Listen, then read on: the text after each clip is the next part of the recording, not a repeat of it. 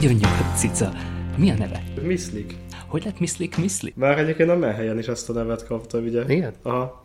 Hát lehet, hogy egyébként a balesete miatt kapta ő ezt. lehet, hogy komoly volt az egy kicsit. Hát az, az mondjuk végül is igen. Tehát ő akkor mikor is került hozzád?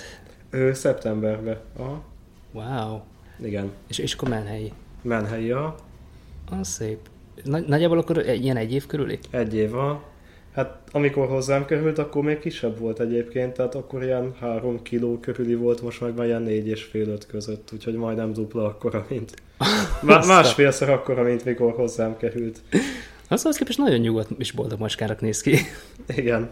Na, sziasztok! Üdvözlünk mindenkit, ez itt a 9. kalandor, a Panel Kalandor hivatalos podcastje, és ez az első adás, úgyhogy nagyon izgalmas lesz, mert mi sem tudjuk, hogy mi fog kikerekedni a következő nagyjából egy órából.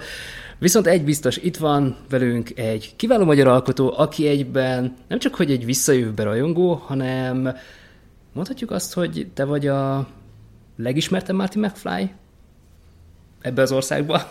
Szerintem igen, mert hogy amikor én elkezdtem cosplayerkedni, akkor a Marty McFly volt a, a legelső jelmezem, Wow. Tehát, vagyis előtte volt még egy, ugye Pádár Ádámmal csináltuk a Busók című képregényt, és ebből saját karakternek öltöztünk be, de ez sokkal kevésbé volt ismert, meg még akkor csak így a képregényes közönség előtt mutatkoztunk ebbe a jelmezbe, tehát képregénybőrzéken. Ez a maszk, ami ki van téve, ez még egyébként arról maradt. Azt, mondja, én igazából el sem tudom képzelni ezt, hogy, hogy hogy nézhettetek ki, vagy hogy próbáltatok meg népszerűsíteni a képregényt, de baromira jól hangzik. Ő jó pofa volt egyébként, úgy jó volt, hogy magának ugye ezeken a, fő, a karaktereinknek beöltöztünk, és akkor képregénybőrzéken úgy jöttünk, mentünk egy pár órát, de más típusú dolog volt még, mint ugye később ez a Marty McFly-kodás. hát ezt gondoltam, de, de azért felteszem jobb egy saját karakternek a bőrébe bebújni, nem? Mindegyik egyébként nekem hasonlóan érdekes, mert ugye a, csak olyan karaktert választok, akivel száz százalékig tudok azonosulni. Tehát ö, ugyanúgy, ahogyan saját karaktereket, azt meg nyilván úgy alakítjuk ki, hogy tudjunk vele azonosulni, amikor pedig jelmezhez választok ki karaktert, akkor pedig olyan, ami nagyon közel áll hozzám, nagyon szimpatikus, tehát akkor ilyeneket igyekszünk választani.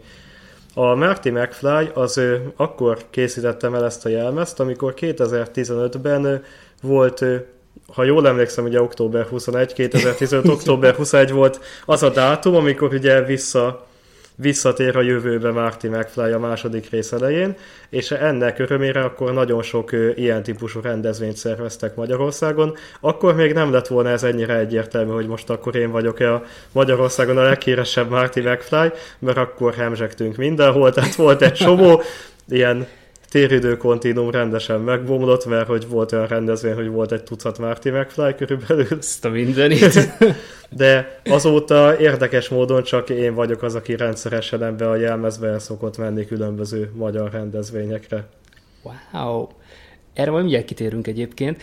Szóval a vendégem uh, Szebeni Péter, aki egyébként a Panel Kandor logóját is tervezte többek között, meg amúgy egy tucat másik magyar képregényt rajzolt az elmúlt években. És akkor kezdjük szerintem azzal, hogy mi a te kötődésed a visszajövőbéhez, vagy honnan ered? Szerintem ugyanúgy, ahogyan nagyon sokan Magyarországon, ugye én is gyerekkoromban láttam legelőször ezeket a filmeket.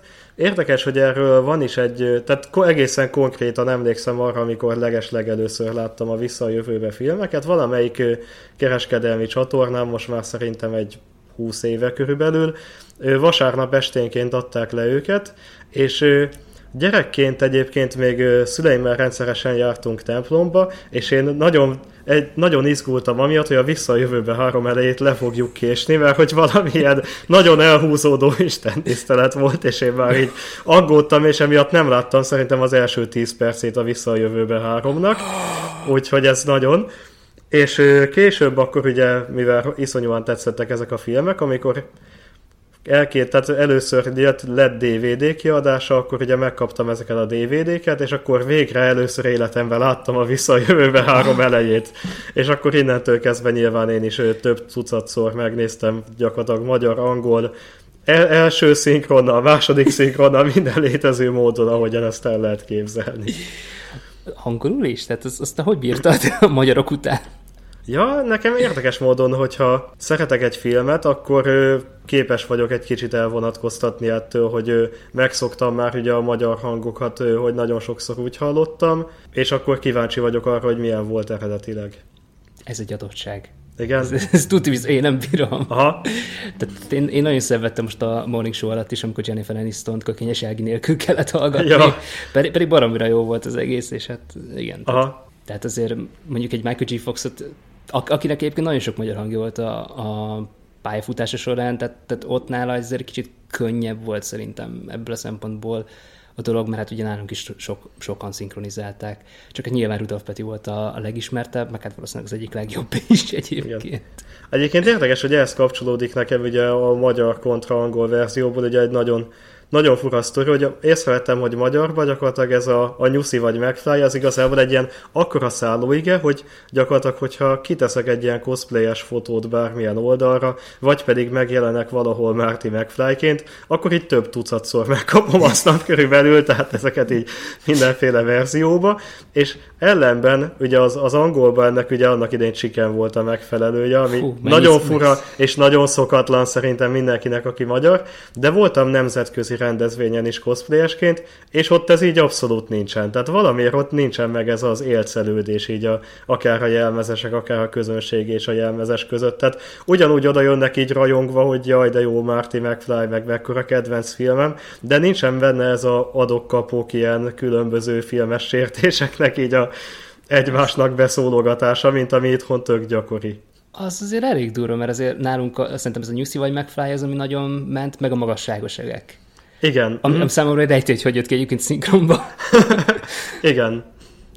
Egy, egyébként érdekes ez a, ez a Nyuszi vagy McFly, mert uh, emlékszem, hogy amikor forgat, fordítottuk valamelyik kötet, és volt benne valami poén, most nem emlékszem melyikbe, de, de ott mi iszonyatosan nagyot szenvedtünk, hogy ezt hogy tudjuk, megtartsuk ezt, ne tartsuk meg, meg a, a heavy-vel kapcsolatban szokott ez lenni. Aha. nagyon, hogy, hogy ne, nem tudom, tehát valamit lehevíz, és akkor utána ú, basszus, tehát ez, ez magyarul nem mondhatod rá azt, hogy ez nehéz, mert abban a szituációban például pont nem, Aha. nem működik ez a kifejezés. Akkor ez szó szerint nehéz ügy, igen. Hát ez, ez szó szerint, igen.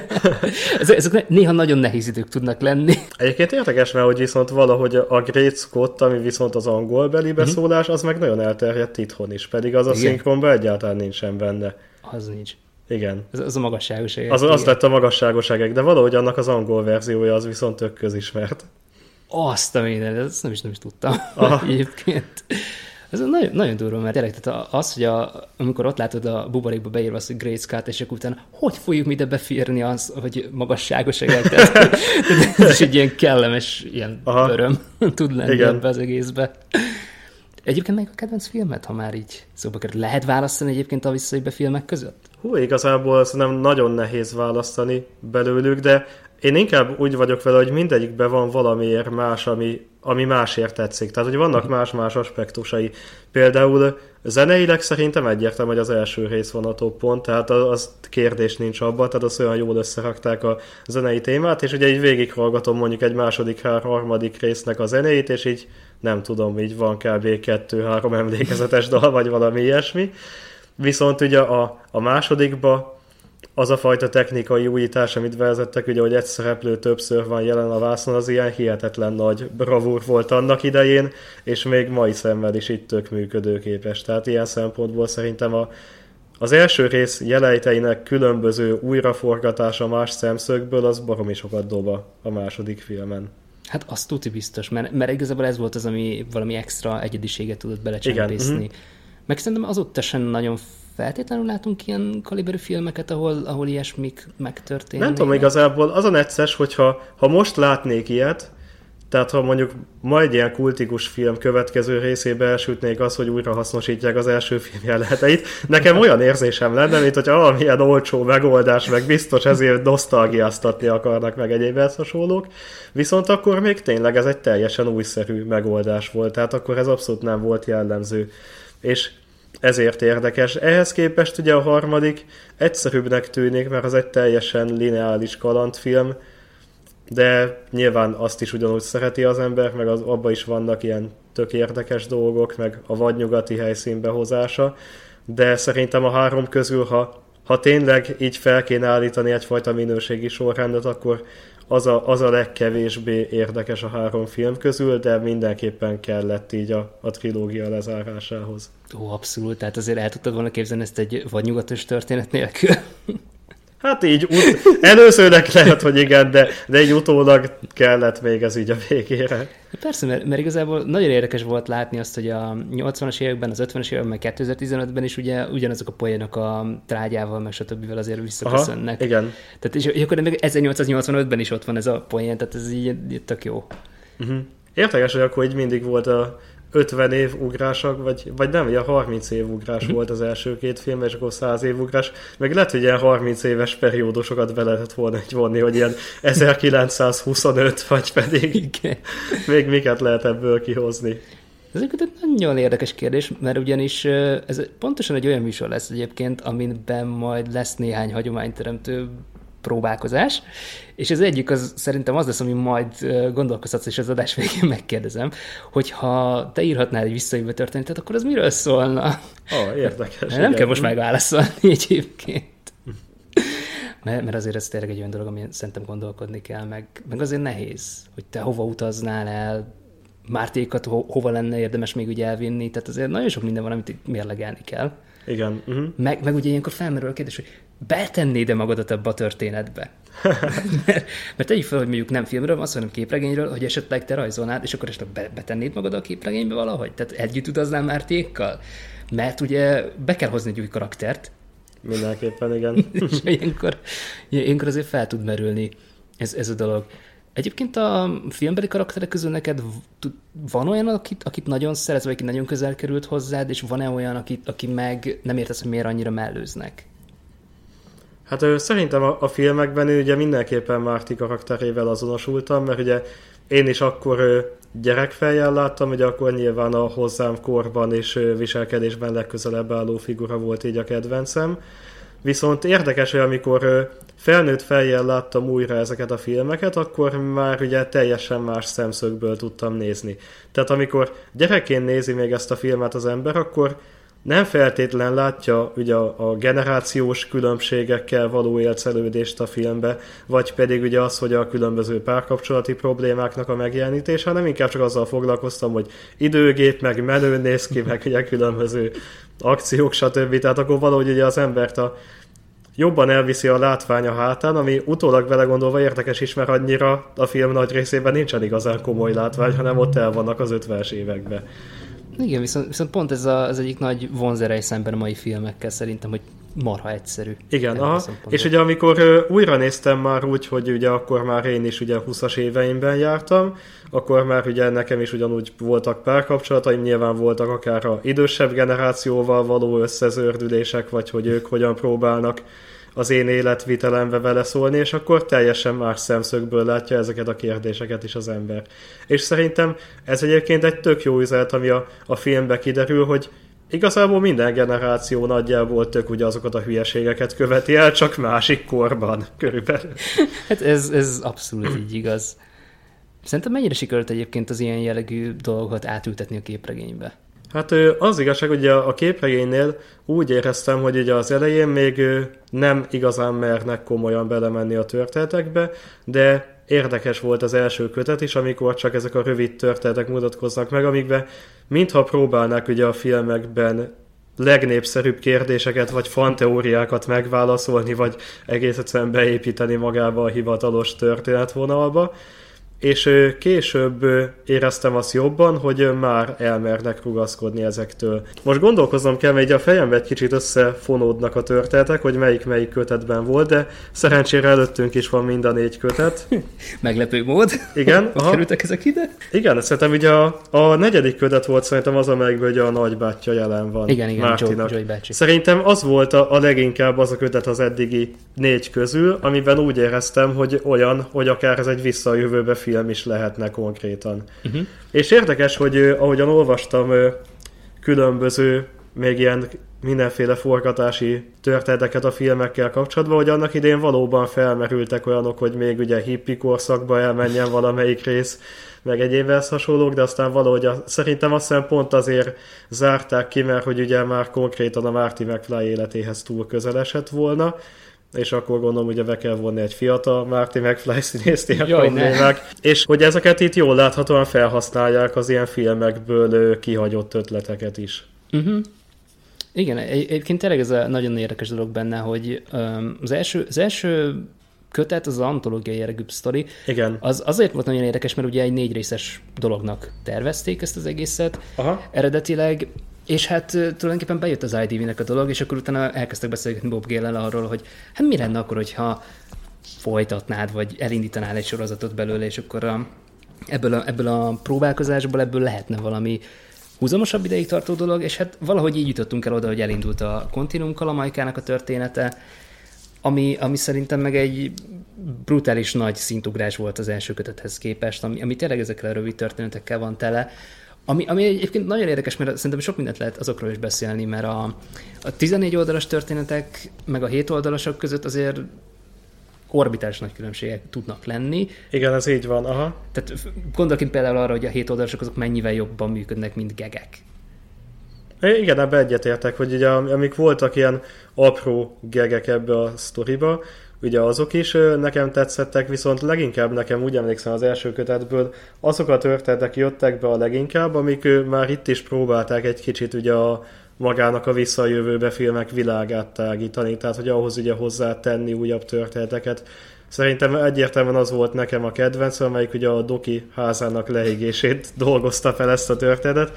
Az ő Egyfelől szerintem az ő már ugye az időutazással, mint Skifivel is tök jól foglalkozott, hogy lényegében ugye saját magának küldi vissza ezt a figyelmeztető üzenetet. Meg másfelől egy, valóban egy olyan kérdéskörrel foglalkozott a filmben, ami így felmerülhetett az emberre, hogy de a doki az a végén még egy ilyen garázsba tevékenykedik, miközben mondjuk a harmadik rész elején ott van még egy teljesen nagy háza. Igen, és akkor ugye később meg behozták még azt is, hogy egyébként van még egy ház, amiről ja. nem tud senki. Na igen. Uh-huh. Egy, egyébként nem azt a sztorit rajzolta az, aki a, később átvette a sorozatot? Most így hirtelen nem Ö, Gondolkozom. Mint, mint hogyha Ferreira csinálta volna valamelyiket, mert azt hiszem ott győzte meg Bob Géleket, ha jól emlékszem. Nem, nem a második sztori volt? A Doki, aki sosem lett. Ö, lehetséges, igen, akkor az a 29 mert, mert azt hiszem volt egyszer a kötet elején egy ilyen sztori, és utána később visszajött talán a következményével, vagy lehet, hogy rosszul emlékszem. Igen, ez az, mert hogy itt van a, az első időgépével. Igen, akkor ez volt a sztori.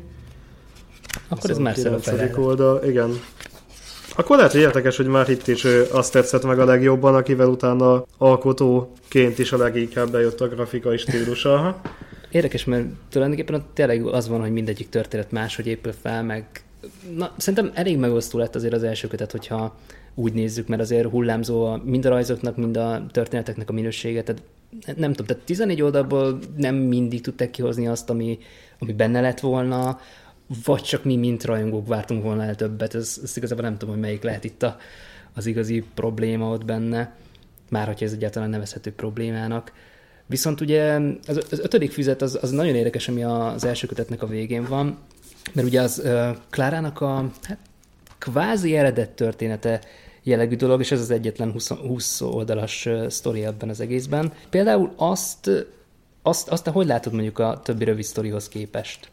Hmm.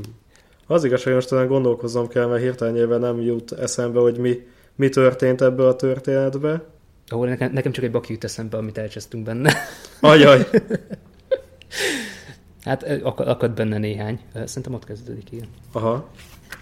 Ja, tényleg kezdek emlékezni rá, igen. Hát az igazság, hogy az alapján vaszak, akkor annyira valahogy mégse fogott meg így ez a történet. Igen, mert, mert ez is egy, egyébként egy barom érdekes dolog volt, mert ugye itt elméletben azért Kláráról kellett szólni, illetve ő volt az, aki, akinek tulajdonképpen ez volt az egyetlen um, olyan kötete, amiben ki tudott teljesedni egészen a következő idővonatig, ami majd márciusban Aha jön, ott, ott azért nagyon-nagyon szerepet tölt, meg ott nagyon jól működik szerintem a dinamika közt és Emet között is. Ahhoz képest viszont elég sok mindenben fókuszáltak Emetre ebben a történetben is, hogyha jól emlékszem. Aha, igen, ugye Emetnek is, hát ő az elmegyógyintézetes jelenet, ami ugye nekem a legemlékezetesebb volt ebből a történetből, meg hogy úgy látom, hogy itt is így visszatérünk a, a Biff univerzumba, ugye.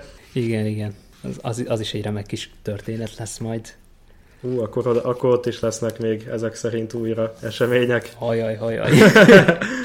Tegyük fel, hogy választanod kell mondjuk ezek a történetek között. Az első nyolc között, amiben van az első kötetben. Tudnál választani, és ha igen, akkor melyikeket választanád? Vagy, vagy tudnál-e felállítani mondjuk egy ilyen top 3 sort, akár érdekesség szempontjából, akár rajstílusok szempontjából? Fogos kérdések. Uh-huh, igen, kicsit. Nyugi, lehet, hogy, sem menne. lehet, hogy így előtte újra kellett volna egy köteteket olvasni, de akkor az így komolyabb felkészülést igényelt volna. E, csak, csak úgy nagyjából, mert, mert például ne, nekem mondjuk a két kedvencem az szerintem egyértelműen az, amikor Biff felmegy a dinókorba, tehát az szerintem zseniális volt. Igen, az egy ilyen nagyon rövid kis poénos történet, de az mindenképpen egy tök emlékezetes volt. Egyébként meg érdekes, hogy ugye több hangulat ingadozik számomra így a kötetek között, hogy de mindegyik szegről végről ugye ugyanúgy vissza a jövőbe hangulat. Tehát, hogy megvannak ugye ezek a rövid geges történetek, amik mondjuk egy csomó olyan őrült ötletet felvonultatnak, amiket egyébként a filmekben nem lehetett volna, de mondjuk ugye ott volt annak ide a visszajövőben rajzfilm, amikben meg persze záporoztak az ilyen jellegű dolgok. Tehát, és ez is egy kicsit erre emlékeztet ugye a Dinos Biff. Meg szerintem az, amikor először megy a Dr. Brown a jövőbe, az, az volt még talán ugye a legjobb. Ja tényleg, az barom, arra én is nagyon emlékszem, mikor eladja a képregényt. Persze, az megvan. Azt, az egy baromi jó történet volt, igen. Tehát az, az zseniális volt, meg szerintem annak a rajstílus is nagyon-nagyon feküdt. De hát, hát az tényleg, hogy visszamegy az időbe, hogy megvegy az Action comics az első számát. Hát az, Ráadásul töménytelen mennyiségben csak egy elkezdi értékesíteni. Hát igen, az, az igen, az valóban nagyon emlékezetes volt. Valószínűleg egyébként, hogy nekem ugye az első kötetben úgy tűnik, hogy ugye a dokival foglalkozó történetek uh-huh. tetszettek a legjobban. Ami érdekes, hogy az elején azt mondtam, hogy a Marty McFly karakter volt annak idején a kedvenc, de hogyha viszont azt veszük alapul, hogy kivel lehet jobban foglalkozni, úgyhogy mi történt vele ugye a filmek előtt, filmek között, stb. stb., akkor egyértelműen a doki az, akivel sokkal szabadabban lehet dolgozni.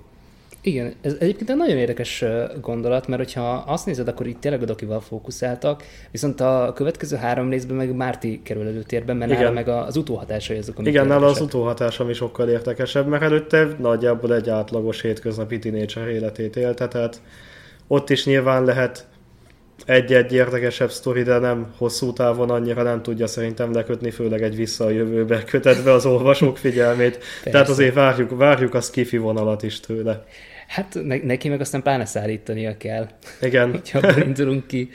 Szóval igen, szerintem ezek voltak így a legemlékezetesebbek, viszont, viszont a többi az, az tényleg egy ilyen elég hullámzó minőséget tud biztosítani, viszont nagyon sok minden találok én személy szerint egyébként baromi érdekesnek a visszajövő képregényekben, amiből ugye mennyi van? Négy, meg még három jön, akkor hét kötet, ami ugye Amerikában nyolc kötet, uh-huh. ami ami, hogyha belegondolsz, nagyon érdekesen épül fel, mert ugye az első kötet az egy antológia. Igen. Az, az tök független, nem kell folytatnod a sorozatot utána, de ki is hagyhatod, hogyha olyanod van, és utána uh-huh. megkapod a másodiktól a negyedik kötetig, ami meg kvázi egy trilógia Marty mcfly a középpontba, és ezután meg van három minisorozat, ugye az idővonat, a Biffa jövőbe, és a számítógép játék adaptációja, a Brown polgár. Uh-huh. Tehát, tehát ez, ez a három meg tök egyedül, tök különálló sztori. Aha.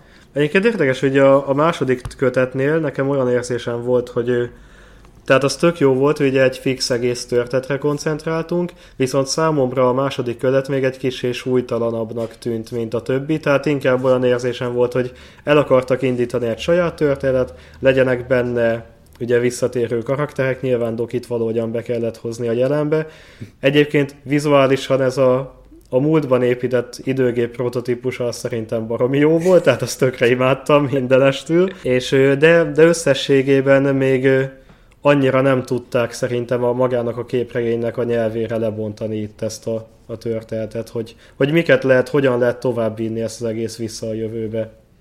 Ez, vonalat. Ez, ez abszolút igaz. Viszont ami szerintem óriási nagy pozitívum volt benne, az, az mindenféleképpen az, hogy Jennifer-t elkezdték használni, és jól használták abba pár Az Hát egyébként tök jó, igen. Tehát az valójában a filmben utólag nagyon zavaró, hogy a második filmben így ki van, ki van így téve, így hirtelen, hogy elvittük a jövőbe, de nem tudunk vele mit kezdeni, ezért gyorsan elaltatjuk. Tehát, hogy így...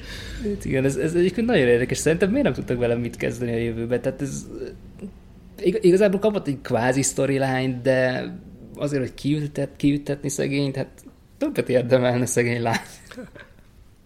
Nem tudom, igazából ez egy nehézkes, hogy mi volt itt a, Megmond, a hiba. Megmondhatta volna talán a dinamikájukat?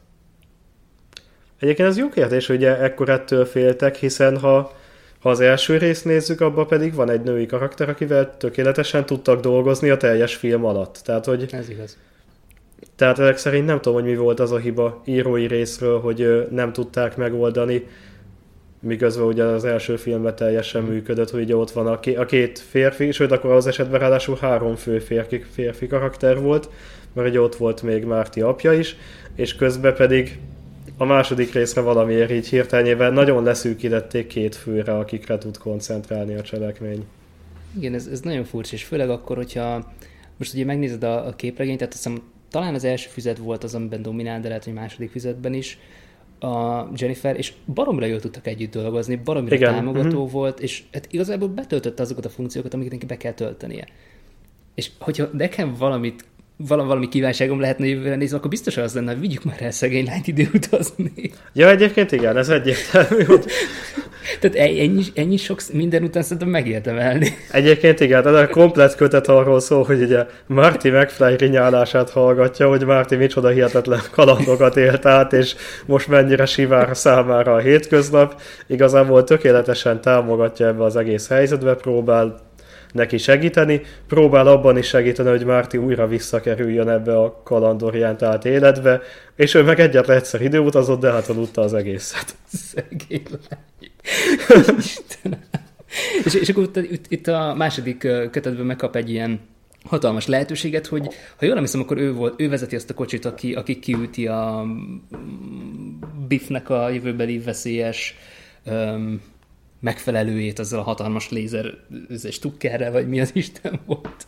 Igen, így van. Tehát, hogy ráadásul ebben ugye a, a komplet sztoriban úgy emlékszem, hogy ő, ő vezeti ugye a, a, a trailert, amivel ugye húzzák a jövőgépet. Tehát, tehát valójában a teljes történetben ő egy nagyon ö, kompetens és talpra esett lánynak tűnik, aki folyamatosan segíti a társait. Mert az is. Igen, ez így van. Ez, ez tök jó. És, és akkor ilyenkor felmerül a kérdés bennem az, hogy de hát akkor miért hagyták ki a harmadik meg a negyedik kötetből kvázi? Jó kérdés, akkor ez ismét.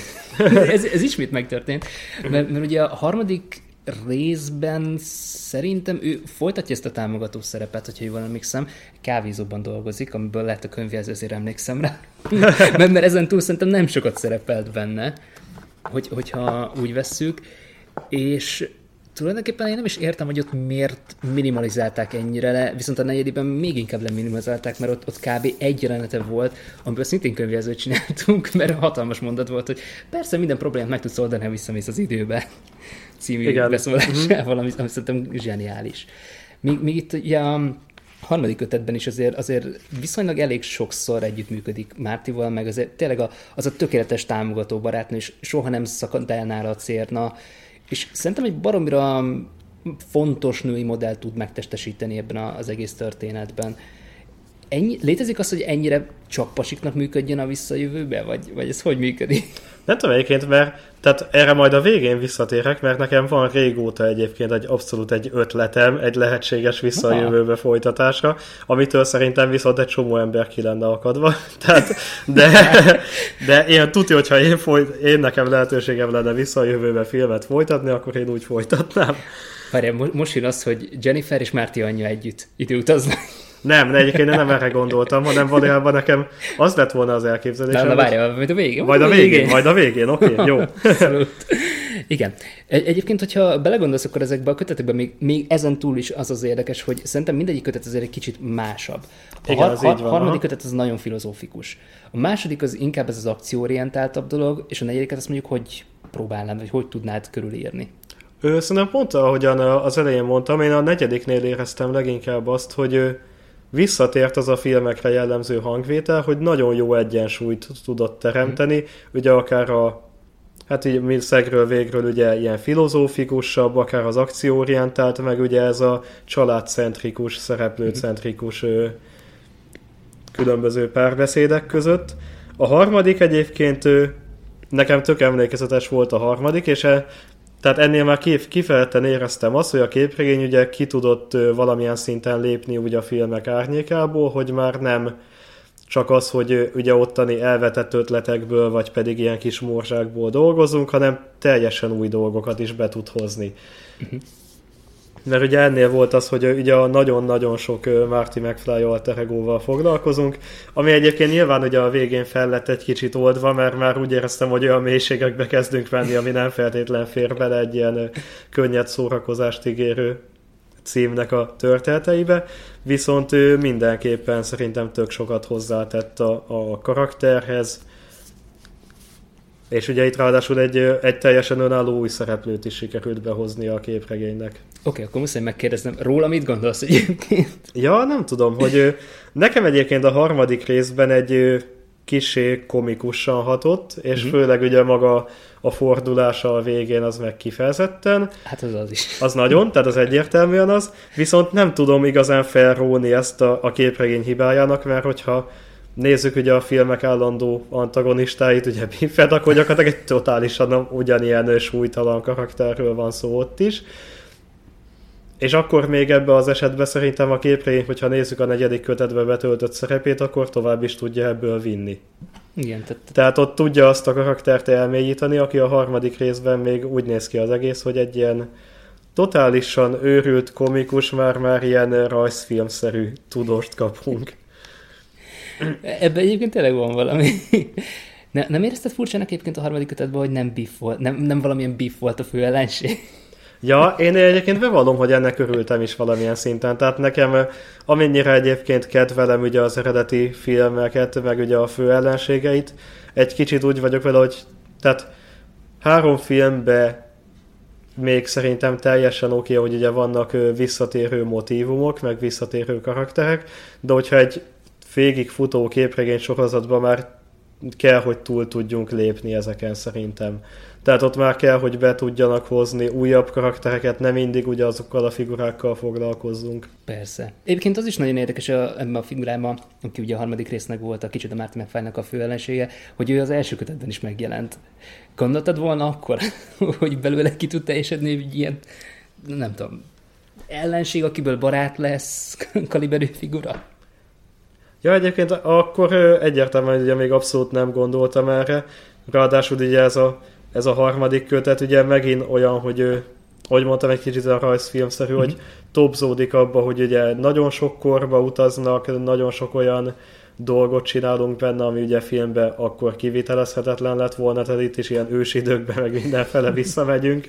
De, de például az is mennyire zseniálisan felépített gag volt. Az, az, az, az nagyon jó volt, az szerintem nagyon Hogyan az egyik tudós hat a másik tudósra, igen. igen, anélkül, hogy tudna róla jelleggel. Tehát, hát brutális egyébként, hogy ők, ők mindig valahogy így egy lépéssel a rájuk törők orra előtt járnak, vagy nem tudom. Tehát Igen. Uh-huh. Na, nagyon zseniálisan van felépítve ez az egész. Nekem egyébként a harmadik kötet túl azon, hogy imádtam azt, hogy mennyire filozófikus volt. Talán még az, amit ki tudnék emelni belőle, az, az nagyon határozottan a kötet elején van a, az apa-fiú kapcsolat jelenet a vízzel, meg a többivel, vagy a folyóval, vagy mi volt az Igen. jellegű dolog. Azt, azt te hogy látod? Mert tulajdonképpen ez volt az egyetlen olyan pillanat a képregényekben eddig, ahol ez a kapcsolat előtérbe tudott kerülni, és szerintem a filmekben sem kaptunk ennyit ebből. Ö, igen, egyébként van ugye egy, egy érdekes szintén fan teória ugye a filmekkel kapcsolatban, hogy amikor ugye az első rész végén ugye újra találkozik Márti az apjával, akkor nagyon sokan úgy gondolják, hogy valójában az apja tökéletesen tudja, hogy ki ő. Mi van? Igen, akkor ezek szerint ezt még nem hallottad? Tehát, hogy vannak egyébként, tehát hogyha ugye az apja ugye gyakorlatilag a kettejük találkozásából írt ugye egy könyvet. És ugye ez jelenik meg az első film végén. És van ugye egy olyan, tehát különböző teóriázgatások vannak arról, hogy na de vajon ugye miért nem ismerik fel Marty McFly soha, hogy ugye ő volt annak idén ott 1955-ben, és erre van egy olyan nagyon egyszerű válasz, hogy dehogy nem felismerik, könyvet is írtak belőle, tehát igazándiból. Jó. és érdekes, hogy engem ez a jelet egy kicsit arra emlékeztetett, mint hogyha erre akarna egy kicsit játszani, ha bár itt szó szerint nem foglal ebbe állást a képregény, de mégis ugye az apja tanácsaiból úgy hangzik, mintha az apja sejtené, ugye, hogy mi az a, mik azok a különböző problémák, amiken a fia keresztül megy. De hogyha így, így közelítjük meg a dolgot, akkor ez nagyon durva. Igen. És tehát lehet, hogy erre ugye az lenne a magyarázat, hogy az apját leszámítva, ugye mindenki más ugye viszonylag egy földhöz ragadt személyiség. Mm-hmm. Tehát, hogy úgy gondolkozna, hogy ez ugye lehetetlen, meg nincsen időutazás, más bolygók, stb. stb. És ugye ez abból indul ki az elmélet, hogy de az apja, mivel ugye gondolkozásában ugye abszolút nyitott az ilyen lehetőségekre is, mindenki más azért felejti el, és azért nem ismeri fel Marty McFly-t, mert tudja, hogy ez kizár dolog, hogy ő Marty McFly. Végül is. Az, az egy kicsit sokkoló teória volt így. Akkor nem gondoltál erre a jelenetnek a kapcsán? Na, absz- abszolút nem, mert én, én szerintem én ezért sokkal egyszerűbb dolgokat látok bele, mint például azt, hogy ugye, amit említettél is, hogy ő skifi író, tehát ezért kicsit másképp gondolkozik ezekről a dolgokról. Aha. És, és nem, nem ennyire túl van jöttve, hogy ő tudja, és igazából. De, de egyébként tényleg belegondolni, dur, jó, oké, tehát 30 év azért eltelt, de azért csak felismered a saját fiadat, tehát csak emlékszel arra az ember, aki összehozott téged. Igen, aha. az, az meg persze, hogy megint egy más kérdés, hogy de hát eredetileg ugye nem Márti hozta őket össze. Tehát akkor ez megint egy ilyen idő... Ö, igen, ez egy ilyen... Paradoxon. igen. Kategóriás. Igen, egyébként ez is nagyon érdekes, hogy a, a képregényben nem is nagyon bolygatja meg annyira az időfonalát, mint, mint tette ezt mondjuk a filmekben. Hát szerintem legalábbis egész a negyedik részig nem bolygatja meg annyira, ahol aztán visszatérnek ismét erre. Igen, ez, ez is egy ilyen jópofa kis gondolat, hogy, hogy a, tehát tulajdonképpen a második rész az azért volt szerintem zseniális, mert ott a, az utóhatásaival foglalkozott, Igen. és azzal, uh-huh. hogy ő után, tehát hogy miután túl vagy életed fénykorán, és még csak 17 se vagy, ut- utána mi jöhet még? Igen. Mm-hmm. hogy hogyan lehet ezt fokozni, és akkor ugye erre reflektált tulajdonképpen a, a harmadik kötet, hogy ki kell találni, de hát ki vagyok én? És, Igen. és hát mm-hmm. na- nagyon érdekes teóriákat játszik azért, vagy pörget végig Márti ebben a könyvben, hiába mondja neki Jennifer azt, hogy de hát te vagy, tehát látom rajta Igen, minden, tehát na, nagyon érdekes ez a megközelítése is, és akkor utána megjön a negyedik, ami, ami nekem sokszor úgy érződik, mint egy ilyen levezetőbb jellegű történet valahol. Uh-huh. Mert, mert ott, ott már nem merülnek fel ezek a kérdések, viszont ott még nem is érzed azt, hogy tehát ott még nem is érzed rajta azt, hogy el tudja engedni ezeket a dolgokat, meg, vagy hogy el is akarja engedni ezeket a dolgokat, miközben próbálkozik elengedni, de nem tudja. Igen, ugye a, a negyedik kötet ami leginkább hasonlít szerintem egy visszajövő film dramaturgiájára, viszont itt egyértelműen ugyanúgy ugyanazokkal, tehát visszatérnek arra, hogy megint csak erre a nagyon szűk karakterekkel foglalkozzanak, hogy ne igazán menjenek bele nagyon extrém ötletekbe, tehát hogy folyamatosan visszatér az, hogy ugye a Doki, Beef, tehát ugye ezek a figurák, és itt ugye el is hagyja az újonnan felhozott karaktereket, ugye leszámítva azt, amikor még az időutazás ha bár nem, a, a, az új doki azért elég aktív szerepet kap. Tehát, ő nagyon. Ő igen, nagyon. A, a másod, igen. Ő itt most teljesen átvette szerintem a dokinak a szerepkörét. Igen, valóban. Akkor végül is ő tud építeni, akkor egyszerű ugye magába a képregényekbe elkezdett történet vonalra is tud építkezni, és visszatérni ugye a filmes dramaturgiához ebbe az esetbe. És közben ugye itt is elővesznek egy nagyon, nagyon apró filmes momentumot, ugye azt a bizonyos tortát, amit ugye az elején kidobnak. És ez is tök érdekes volt, hogy ez viszont hasonlít szerintem a legelső kötetnek a, a szellemiségéhez, hogy ugye előveszünk valami kis apró kérdést, ami lehet, hogy egyébként nem érdekel az világos senkit körülbelül, de mégis képesek erre felhúzni egy olyan történetet, ami abszolút érdekes lesz. Uh-huh. Volt esetleg valami kedvenc momentumot ebben a kötetben? Hm, gondolkozom szerintem, talán az volt a kedvenc momentumom, hogy Márti közvetlen családjához jobban visszatértünk, és hogy ugye a, a tesója a szobájába alszik, meg ugye ezek a, ezek a momentumok szerintem azért tetszettek, mert ott van ugye ez a csapat karakter, akit igazából csak az első rész vég elején és végén látunk, ugye kétféleképpen. És hogy ugye ezekhez visszatérünk, de tudunk dinamikus kapcsolatot kialakítani köztük és Márti között. Uh-huh. Ez még igaz. El tudod képzelni egyébként azt, hogy, hogy akár ezt a színvonalat fenntartva tudjon folytatódni a képregény?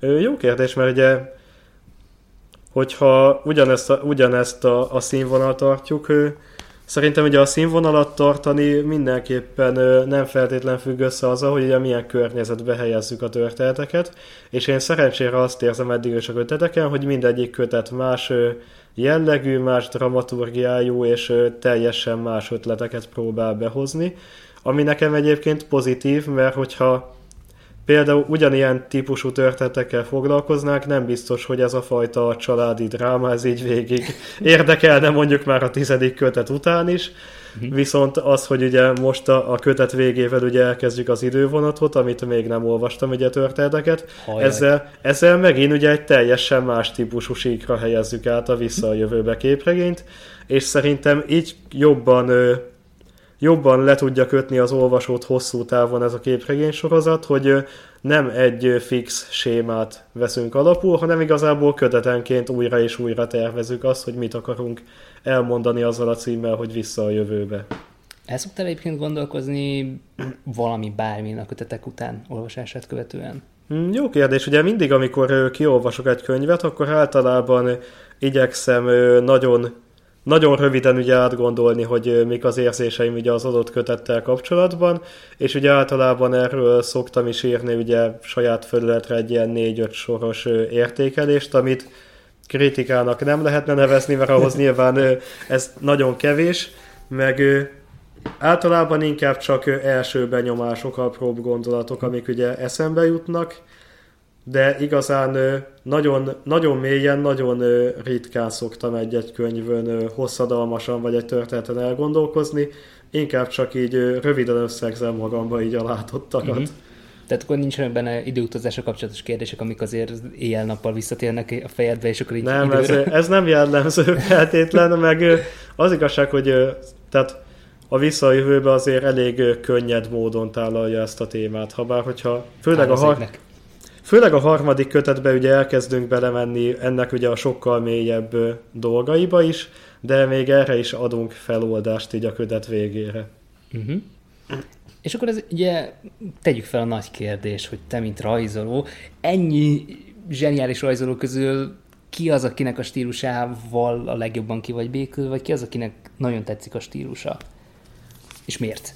Ugye, ugye az elején beszéltük azt, hogy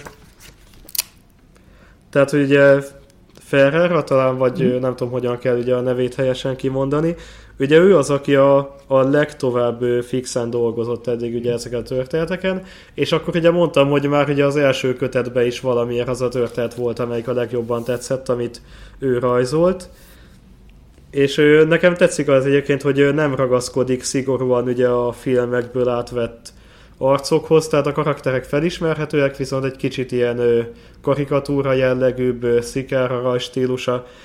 És ugye néha, ezt egyébként eddig főleg Star Wars képregényeknél vettem észre, jellemző, hogy igazából úgy próbálják ábrázolni a, az alakokat, mint hogyha igazából filmből print screenelt képek lennének az arcok folyamatosan, és azok így átrajzolva és ráhúzva a sablonok így a képekre. Ettől én egyébként hülyét tudok kapni, tehát itt is itt is ugye a vissza a jövőbe képregényekben és a borító galériában ugye előfordulnak ezek a fajta átrajzolt különböző, tehát nagyon próbálnak ugye filmes képeket teremteni. Én ezt nem szeretem, amikor teljesen így alkotnak meg egy képregényt, és szerintem ő nála pont, pont annyira laza a rajstílus, ami nekem így bejött emiatt. Uh-huh. És a többi rajzolóra egyébként mit gondolsz? Számomra még ugye a legemlékezetesebb még ugye a harmadik kötet rajzolója volt. Ugye igen. Emma Viacelli. Emma Viacelli. Ugye érdekes, hogy az ő rajzai egyébként sokkal lágyabbak. Tehát az a furcsa, hogy még néha az is előfordult, hogy egy karakterről elsőre nem tudtam eldönteni, hogy lány vagy fiú, például ugye a Marky McFly bandájába, de igazából valahogy ez ugye a történethez abszolút passzolt itt ez a rajstílus, hogy jobban koncentráltunk ugye a, a hétköznapibb figurákra, ugye érzéseket próbáltunk javarészt átadni ebbe a kötetbe, és szerintem emiatt abszolút ez a lágyabb vonalú rajz, ez passzolt ehhez a történethez. Kivéve talán a Needless-es eredet történetben, ami szerintem borzasztó. Ja, nem tudom, igen, lehetséges. tehát, tehát amikor, amikor ott hány a gyerek, vagy nagyon-nagyon ki van, ott, ott szerintem nagyon le tud dugni. Ugye a kötet legelején az a sztori az ott úgy, úgy nagyon furcsának érződik nekem. Ja, egyébként itt van leginkább, maga Nidus az, aki ott a hosszú hallja kb. úgy néz ki folyamatosan, mint hogyha egy csaj lenne az elején, de valahogy ott meg, ott nem tudom, ez nekem ott is egyébként passzolt a történet mondanójához, tehát ugye maga Nidus volt egy olyan karakter, aki ugye abszolút nem találja a helyét ebbe a közegbe, uh-huh. és ugye folyamatosan ki van rekesztve, és akkor én abszolút úgy éreztem, hogy ugye ez a, a furcsa külseje az így igazából hozzátesz ehhez, mert lehet, hogy a, tehát a valóságban is lenne egy ilyen ennyire lányos külsejű fiú, valószínűleg folyamatosan csúfolnák. Tehát én, tehát én ebben az esetben is úgy éreztem, hogy a karakternek ugye magához ez a rövid történetívéhez hozzáad a rajstílus. Uh-huh. Azt a, azt a történetet egyébként ahogy láttad? Ja, nem tudom, egy igazából az tipikus az a fajta sztori volt, mint mondjuk az első kötetbeli történetek, hogy, a, hogy az ember ugye sok esetben eredetileg ugye abszolút nem tudja, hogy ezekre a történetekre feltétlen szüksége lenne, és van néha olyan, amikor a végén is kb. ugye ez a gondolatot marad, hogy nem tudom, hogy egyébként egy nédőszeredett történetre ilyen nagy kívánságom lett volna. Hát ig- igazából lehetett volna, tehát csak szerintem lehet, hogy kicsit jobban ki lehetett volna Nem tudom, mert azért volt nekem furcsa, hogy mintha az lett volna a célja, hogy magát Nidus karakterét elmélyítse, de igazából a végére is olyan érzésem volt, hogy van ugye egy önző fej karakter, és megtudjuk róla, hogy ő már gyerekként is önző fej volt. Tehát, hogy, tehát, hogy ezt nem sikerült igazán elmélyíteni szerintem a figurát. Ez, ez teljesen jogos, ez absz- abszolút vitathatatlan kategóriát képviseli minden téren. Egyébként nem mutatom neked meg Levensnek a rajzait, aki majd a következő kötetet rajzolja. Ah, köszönöm szépen. És akkor így első ránézésre, hogy vajon mm-hmm. hogy az ő stílusa az, az neked mennyivel tetszik jobban, vagy nem tetszik annyival. Aha. Egyébként igen, ugye kíváncsi vagyok a, a következő kötetre, mert itt is ugye teljesen ö, eltávolodunk ugye az eddigi kötetekben bemutatott vissza a jövőbe iránytól, a képi világtól, azt nézem, hogy ugye itt is maguk a, a rajzok ugye jóval könnyedebbek, mint mondjuk ugye az előző kötetben. Viszont azt abszolút látom rajta, hogy eléggé szürreális környezetekbe fogunk eljutni, ami meg tök, nagyon, nagyon ígéretesnek tűnik. Igen, ez, ez egyébként egy nagyon jó kis családbarát történet lesz, ahol ugye van Verne és Gyula, akinek lesz egy történetszála, meg uh-huh. ö, Klárának és Dokinak lesz egy történetszála, és akkor valahogy ez a kettő próbál meg közeledni egymáshoz. Tehát na- nagyon jó a felépítés az egésznek, meg szerintem iszonyatosan szerethető, és tényleg az a nagyon Akkor lehet, hogy végre teljesül az a kérdés, amit ugye a múltkor azt hiszem egy fórumon tette fel valaki, hogy ugye tizenéves korosztálynak milyen képregényeket lehet ugye ajánlani, akár már így mondjuk 9-10 éves fiataloknak. Uh-huh. És én is elsőre úgy látom, hogy a, a a barátságos grafika, meg ezek szerint a történetvezetés szintén olyan, hogy abszolút ajánlható gyerekeknek. Persze, meg hát nagyon sok poén van benne, meg a, az N betű szavak is előkerülnek benne, hogy nem akarok spoilerezni nagyon. Ajaj. ami, ami tulajdonképpen nekem az egyetlen ilyen what the fuck típusú dologom vele kapcsolatban, mert amúgy meg egy borramira élvezetes sztori. De, de egyébként ők is olyan szintű pikantériát tudnak hozzátenni az egészhez, hogy, hogy tényleg élvezet az egész. Meg hát megelemeznek a stílus az abszolút ez a tökéletesen beleillik szerintem a visszajövőbe világába. Uh-huh. Úgyhogy, úgyhogy ez egy nagyon-nagyon izgalmas kis uh, dolog lesz majd hamarosan. Remélhetőleg is készülünk vele. Reméljük, igen. Időre. És akkor ez a márciusba fog érkezni majd. Nagyon bízom benne, igen. igen. És akkor gondolom ugyanúgy a, a, a legutolsó kötet méretében fog ez is kijönni, tehát már a, a vaskosabb kötet? Nem, nem, nem. Ez, ez, ez is ugyanaz uh, 156 150, oldalas. aha. aha. Akkor az csak ilyen egyszeri alkalom volt, hogy ilyen Ö, igen, az sem feltétlenül lett volna annyivel vastagabb, mert az ugye Amerikában két kötetként jelent meg, és mind, Aha. mind a kettő ilyen száz oldalas kötet volt, csak hát én úgy voltam vele, hogy keménytáblásba kezdtük el kiadni a dolgot, akkor, akkor nem menjünk már abba, hogy egy száz oldalas keménytáblás, mert nincs sok értelme, meg hát ketté bontani azt a sztorit. Hát ez felért volna egy ember kínzás. Igen, szerintem is egyébként akkor, akkor ebben az esetben jobb, hogy akkor ezek szerint ez 8 számos kötet Igen. volt, és akkor a Igen. többi az meg ilyen 6, Hat. 6. Hat, hat, Aha, igen. és akkor visszatérünk a 6 számos formátumhoz, értem. Igen, am, am szerintem egyébként nagyon működik. Igen, uh-huh. Meg, meg hát itt is az idővonatnál nagyon szépen kiegyensúlyozottan tudja felépíteni a dolgokat, meg elmondani, amit akar. Nem annyira filozófikusabb szerintem a történet, mint mondjuk az előző kötetek voltak, hanem, hanem tényleg Aha. a családbarátabb, kicsit lájtosabbra veszik a figurát, de azért közben egy-két olyan izgalmas dolog is elhangzik, ami... Akkor ez most majd, hogy nem olyan, mint hogyha így a, a Vissza a jövőbe trilógia harmadik fejezete. Ez egyébként egy érdekes kérdés, mert, mert ha jól emlékszem, akkor Bob Gale olyasmit írt a negyedik kötetnél, hogy, hogy vagy, vagy ennél a kötetnél, most nem emlékszem, hogy, hogy most kezdődik a második story arc Aha. a kék képregényeknek a világába, és ez azért nagyon durva, mert ugye Amerikában meg az idővonat volt az utolsó, amit kiadtak, két éve lassan, másfél Aha. éve. Akkor mikor jön a harmadik sztoriák? Hát várjál, még az, az másodiknak az első része, hogyha jól emlékszem, képregények viszonylatban, elméletileg az idővonat, de hát ugye nem tudom, tehát a- azt mondják egyelőre, hogy valószínűleg vagy jöhet már 2020-ban, de még nem biztos, hogy ténylegesen jönni fog. Úgyhogy ez egy ilyen nagyon érdekes kérdés, hogy folytatják el, meg ha igen, akkor mivel. Mondjuk akkor a magyar kiadás az pont mire elér oda, akkor végre már az eredeti kiadásba is jön új történet. Hát én bízom benne, de, de pont, pont ezért, hogyha, hogy, tehát hogyha, hogyha most júniusig nem kezdenek el, akkor valószínűleg jövőre már nem, nem lesz új Aha. visszajövő kötetünk, mert idén befejezzük, utolérjük őket. Mert ugye októberben, október vagy decemberben jön majd az utolsó kettő, és akkor ott lesz majd nagy, nagy izgalom, ugye a Biffnek az alternatív videósíkja, Igen, uh-huh. ami tartogat szerintem jó pár meglepetés, meg hát a számítógépes játéknak az adaptációja, ami, amivel soha nem játszottam, úgyhogy nekünk aztán végképp izgi Ó, lesz. egyébként az igazság, én azzal nagyon-nagyon szerettem volna játszani, viszont érdekes módon valamiért folyton lecsúsztam róla. Tehát ugye én PS3-ra és PS4-re is meg akartam venni a játékot, viszont mindig, amikor eljutottam volna odáig, hogy mondjuk ugye megnézem, hogy ugye letölthetem ugye a PlayStation Store-ról, akkor addigra a forgalmazását abba hagyták, és így nem értem, hogy miért ennyire korlátozott ideig volt csak elérhető ez a játék. Nagyon durva, pedig, pedig azért az sem mai. Jól Nem, emlékszem. nem mai egyértelműen. Valószínűleg az első esetben, ugye, amikor még a PlayStation 3-on játszottam, akkor valószínű, hogy az jött közben, hogy akkor ugye időközben elköltöztem otthonról, akkor ugye a PS otthon maradt, és akkor ugye vettem, amikor úgy alakult, ugye egy PlayStation 4-et, arra ugye később kezdték el elérhetővé tenni a játékot, és akkor meg egy ilyen rövid ideig, szerintem egy ilyen fél évig maximum. Ú, hát az tényleg nagyon rövid idő. Aha, Azt, azt úgy hogy lehet? nem, azt én sem értettem, hogy ott, hogy ott mégis mi volt a, ennek a döntésnek az oka. Hát ez na- nagyon bizarr. De akkor beszéljünk kicsit a, erről a sok mindenről, ami itt van előttünk, mert te ugye rajzolsz uh, magyar képregényeket Igen. is.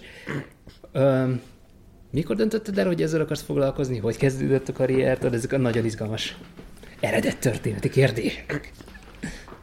Hát De, de legyen benne időutazás. Igen, mindenképpen. Hát az igazság, hogy én ugye gyerekkoromtól kezdve rajzoltam ugye képregényeket, tehát ugye folyamatosan mindig, mindig ezzel akartam foglalkozni, és ugye kisebb módon mindig próbáltam is ugye ezeket különböző módokon publikálni. Nyilván először még csak az volt, hogy ugye gy- nagyjából ugye magamnak papírra készítettem képregényt, ezt ugye a közvetlen környezetem olvasta, akkor ugye később középiskolás koromban próbáltam volna iskolaújságba publikálni, de akkor vicces módon az volt a válasz, hogy ugye túl sok tintát fogyasztana, és ezért nem lehet kb.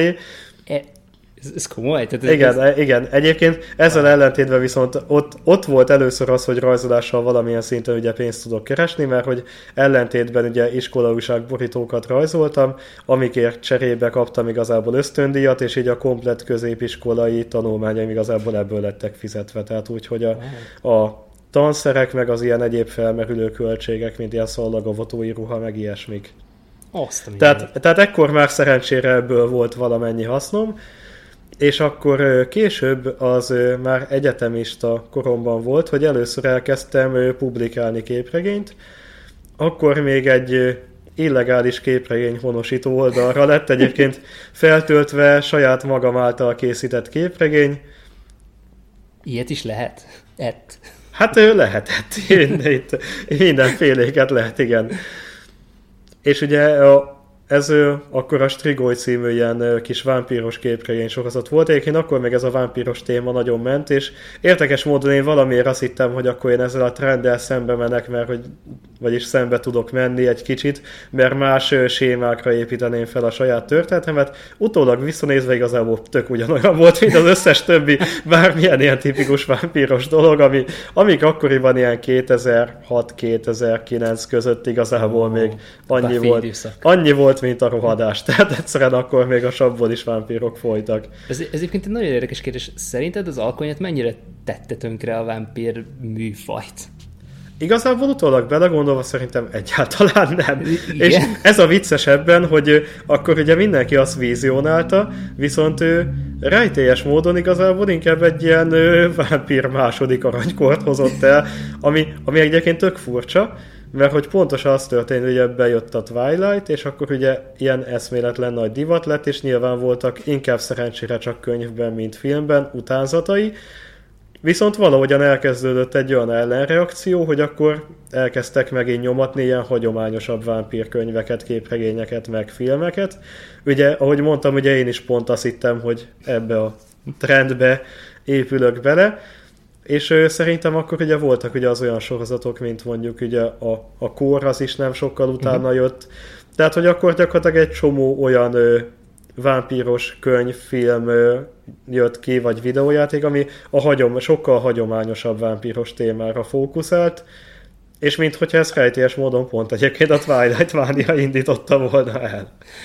Azt a mindenit amik után aztán jöttek a zombik, de ez zombis, kép, zombis képregényem nem volt itt szigorúan, igen. Még, bár, bár, bár, jó, bár, jó, bár igazad van, jó, igazad van. Meg, meg a céltalanban is tényleg ott is voltak zombik, ha bár csak mellékszerepet kaptak. Jó, akkor igazából a zombis trendben is ott voltak, mondhatjuk.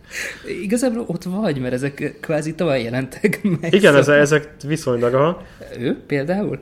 Nem, ez ugye az Ördögűző című filmből Aha. volt a kép, de ez, ez zombi, igen. Nem, ja. az, a zombikat szeretjük, azt, mert rondák, igen. Jó, hogy ezért szereted őket.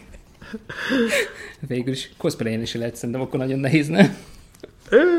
Van, annak is megvannak a nehézségei, de egyébként az a jó egyébként, hogyha ilyen karaktereket cosplayelsz, mint mondjuk zombi, mert hogy nem lehet igazából elrontani. Tehát, ez igaz, ez nagy igazság. Tehát csak annyi kell, hogy legyél baromi mocskos, ugye nyilván vannak egyfajta technikái ugye a sminkelésnek, de de igazából nincsen olyan, hogy rosszul húztál meg egy vonalat, és akkor nem lett jó. Tehát ilyen, ilyenek miatt nem kell aggódni. De várjál, hogy tanultad meg sminkelni a cosplayhez dolgokat? Hú, hát ugye a cosplayhez az úgy szokott lenni, hogy van egy ismerősöm, amikor mondjuk ilyen zombis témájú fotózásokat csinálunk, aki ugye a, a sminknek mondhatni a leglényegesebb részét ő viszi fel. Tehát uh-huh. ő az, aki képes ugye nagyon hitelesen kinéző égési vagy vágási sérüléseket csinálni, amiknek valóban így mélysége van, tehát ezeket ugye ekkora általában ő viszi fel rám a fotózásnál, viszont ő sminkelni közben olyan szempontból meg kellett tanulnom, hogy az összes többit az viszont magamnak szoktam csinálni. Tehát ahol ugye normál alap bőrfelület van, ugye ott is felviszünk egy ilyen sápadtabb fehéres tónust, akkor ugye a szemek körül, vagy pedig magát ugye az arccsontot, az arcéleket ki kell hangsúlyozni, hogy egy kicsit más, más karaktert kapjon a figura. Ezeket igazából magamtól kezdtem el, meg ugye nyilván figyeltem más más minkes videókat, milyen anyagokat használnak. Viszont ami érdekes, hogy nekem inkább csak az anyagok szempontjából kellett segítség, mert rájöttem, hogy rajzolni majd, hogy nem bőrfelületre, majdnem azonos, mint hogyha egyébként papírra rajzolnék. Azt. Tehát, hogy ugyanúgy, amikor mondjuk egy arcnak a tónusait kell élőben kihangsúlyozni, az annyira nem különbözik attól, mint amikor mondjuk egy rajzban készítem el ugyanezt. Ez azért nagyon durva, mondjuk az, azért az emberi testfelületnek azért a, ott a nagy hátrány, hogy mozog.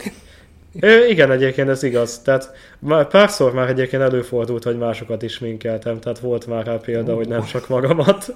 Az viszont nehéz lehet. Az egyébként viszont baromi vicces. Tehát amikor elképzeled ezt, hogy ott van egy ilyen rakás, ilyen különböző ilyen Mad Max, meg Fallout típusú posztapokaliptikus figura, mindenki ilyen mindenféle ilyen fém, rozsdás fém meg bőrcuccokban, és közben így éppen sminkelem az egyiket, tehát így. Kérlek mondd, hogy van erről videó. Szerintem fotók akadnak róla, igen. De Nagyon videó? jó pofa. Videó? Majd legközelebb csinálunk azt is, Légy igen. szíves. Mindenképpen. Szóljatok, megyek videózni, mert ez baromi jól hangzik. Aha.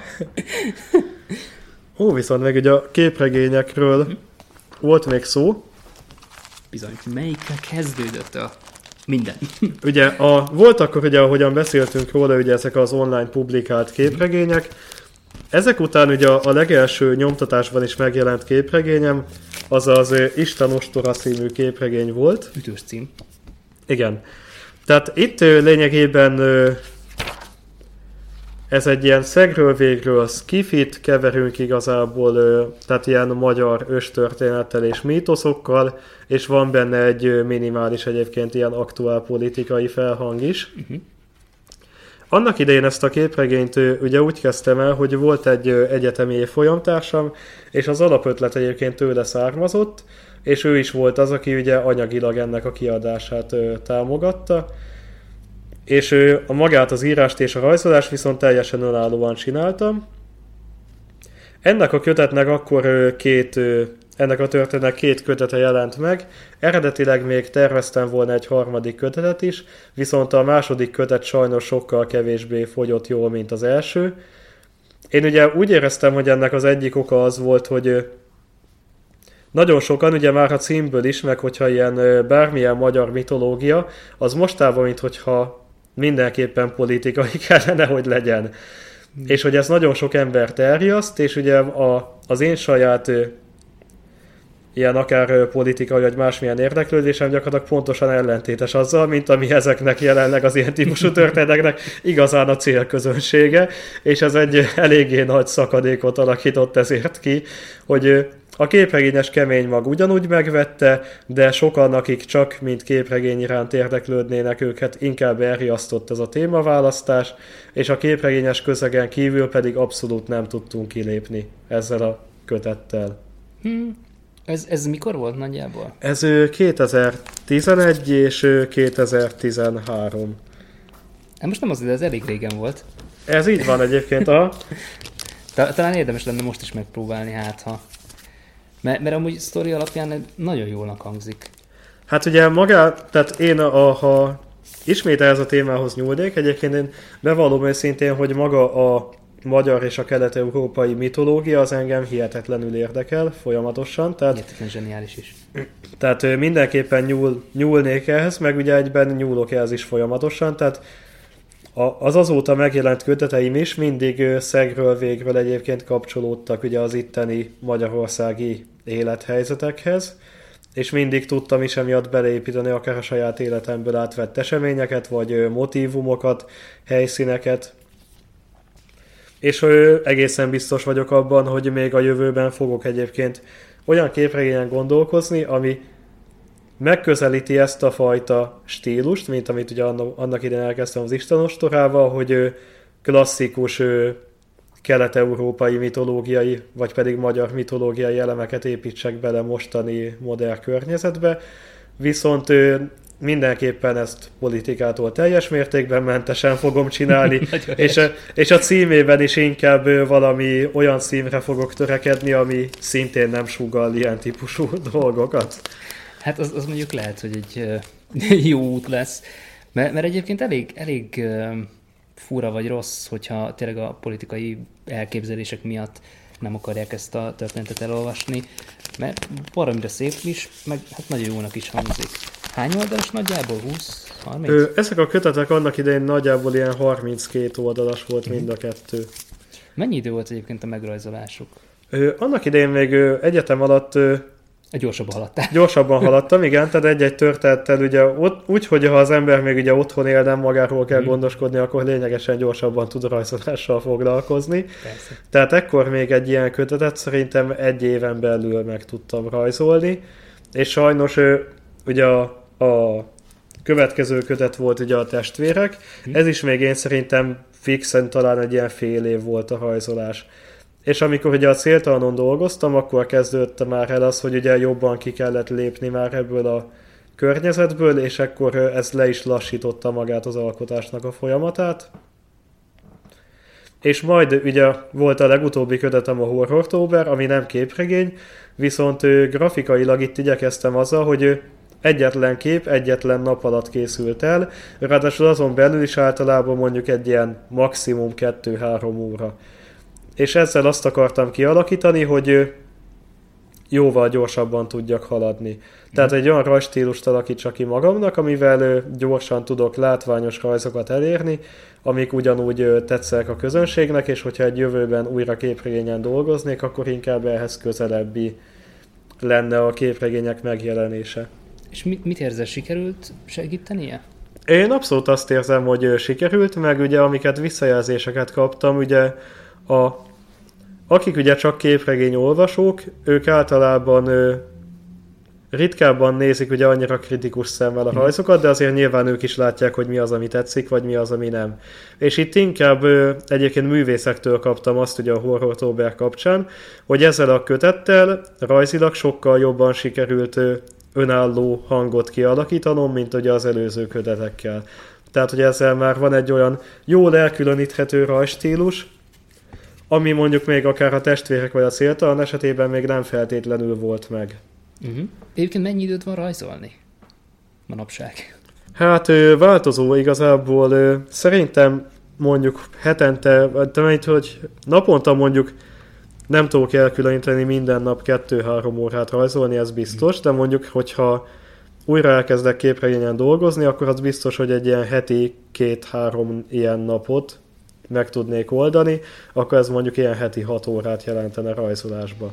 Az körülbelül egyébként egy oldal? Aha, jelent? igen, ugye ez ebben az esetben egy oldalt jelentene, viszont az a baj, hogy ugye amikor a céltalanon dolgoztam, akkor nagyon sok oldalnak a rajzolása sokkal több idő volt, és ebben az esetben ez inkább két-három hét alatt készült el egy oldal, és nem pedig ugye heti tempóba, és ö, igyekeznék valami olyan képregényt kialakítani, ami mondjuk egy ilyen 48 oldal lenne, egy fix, kerek egész önálló történet, kb. hasonlóan, mint mondjuk a, a testvérek, és ö, ezt meg tudnám csinálni mondjuk egy éven belül. Az elég mm-hmm. jó mhm. lenne. Az jól is hangzik. Egyébként kitérünk mindjárt a céltalanra is, mert annak az alkotói folyamata szerintem magáért beszél, amennyi mindent ti ott véghez vittetek benne. Testvéreknek ugye most jött ki az újra kiadása. Igen, ennek most jelent meg a második kiadása. És ugye vannak benne változások az eredetihez képest. Az az igazság, hogy a kötetbe nem akartam úgy belenyúlni, hogy tehát nem akartam azt, hogy akár újraírjam, újra rajzoljam, vagy módosítsam a kötetet, így a tartalma az gyakorlatilag megegyezik. Tehát a mhm. képregény az ugyanaz, viszont formailag egy kicsit módosítottam rajta. Azóta sikerült kialakítanom nyomdatechnikai szempontból egy olyan képregény méretet, amihez tartom most már az összes kötetemet.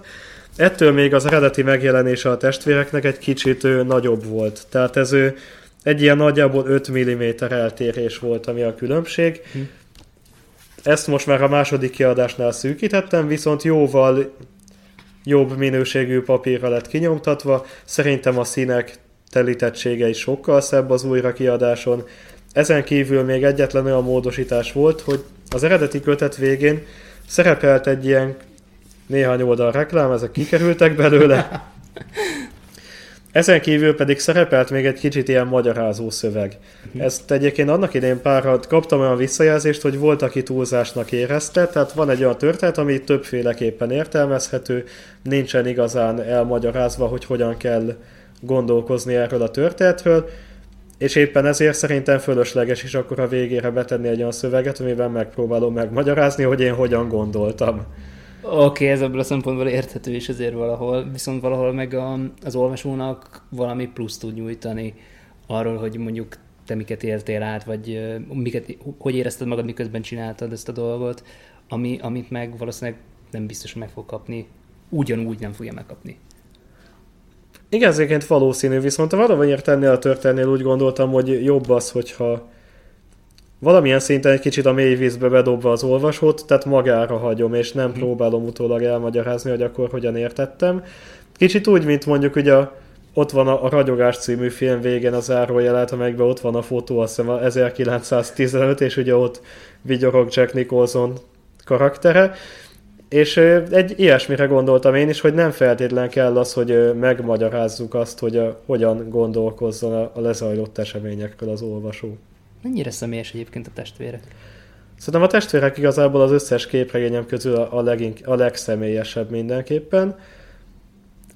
Tehát ebbe nagyon-nagyon sok saját életemből átvett motívum lett beleépítve, viszont ezen kívül ahogy a, a kiinduló pontja az igazából gyakorlatilag teljes mértékben személyes, és ahova elér az annyira nem.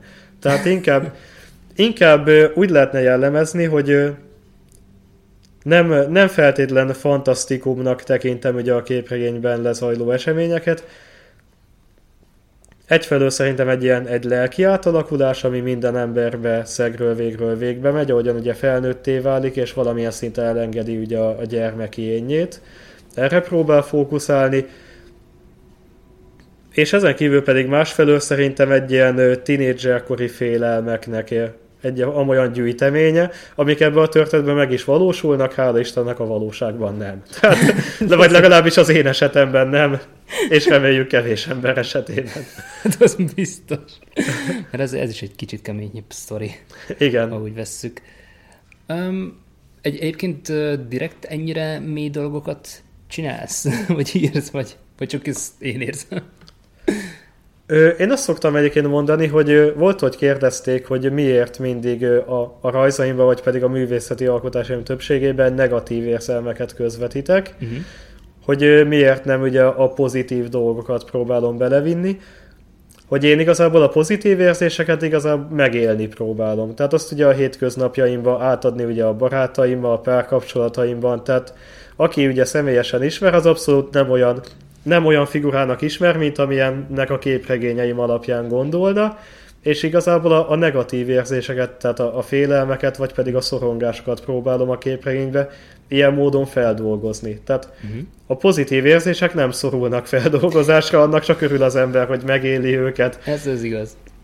És a, és a negatív érzések azok, amiket pedig próbál a saját, a, én ugye a művészeten keresztül, mások pedig ugye más módon, más terápiás folyamatokon feldolgozni. Uh-huh. Igen, ez egyébként elég, elég sok művésznél jellemző szokott lenni szerintem ez a dolog. Miért a testvérek után? Ó, uh-huh. nehéz kérdések. Igen, tehát ők ugye megvoltak ugye az Istenostora képregények, és volt ugye a testvérek. Hát itt vannak ilyen nem hivatalos, az inkább pedig az Meg, is milyen jó. Igen, ez pedig ugye megrendelésre, az se, az se annyira az a fajta. És úgy jöttünk el a céltalanhoz. Igen, ilyenkor igazából elértünk a céltalanhoz, tehát a... Ja nem, még voltak ilyen mellék vágányok, amiket érdeklődtél, igen. Ú, azok a gyönyörűsége. Igen, ezek igazából én is tök büszke vagyok ezekre a kötetekre, tehát Ez volt ekkor kettő antológia, ezeknek a, a szellemi atya Pádár Ádám volt, akivel nagyon sok közös köteten dolgoztunk. Ő ugye a Five Panels másik motorja igazából. Hogy, hogy kerültetek ti össze egyébként? Amikor ugye a, a legelső Istenostorát kiadtam, hmm. akkor Ádám volt az, aki engem felkeresett a képregénybőrzén, és ő volt az, aki a, a Five Panels-be behívott. Ekkor ez még egy nagyon ő, fiatal kezdeményezés volt, szerintem így körülbelül fél éve alapulhatott, Igen, tehát ők 2010 végén alapították meg ugye a Fákpanászt, és ez 2011 márciusa, akkor valójában még fél év sem, tehát ilyen 4-5 uh-huh. hónapja. Azt a mindenit.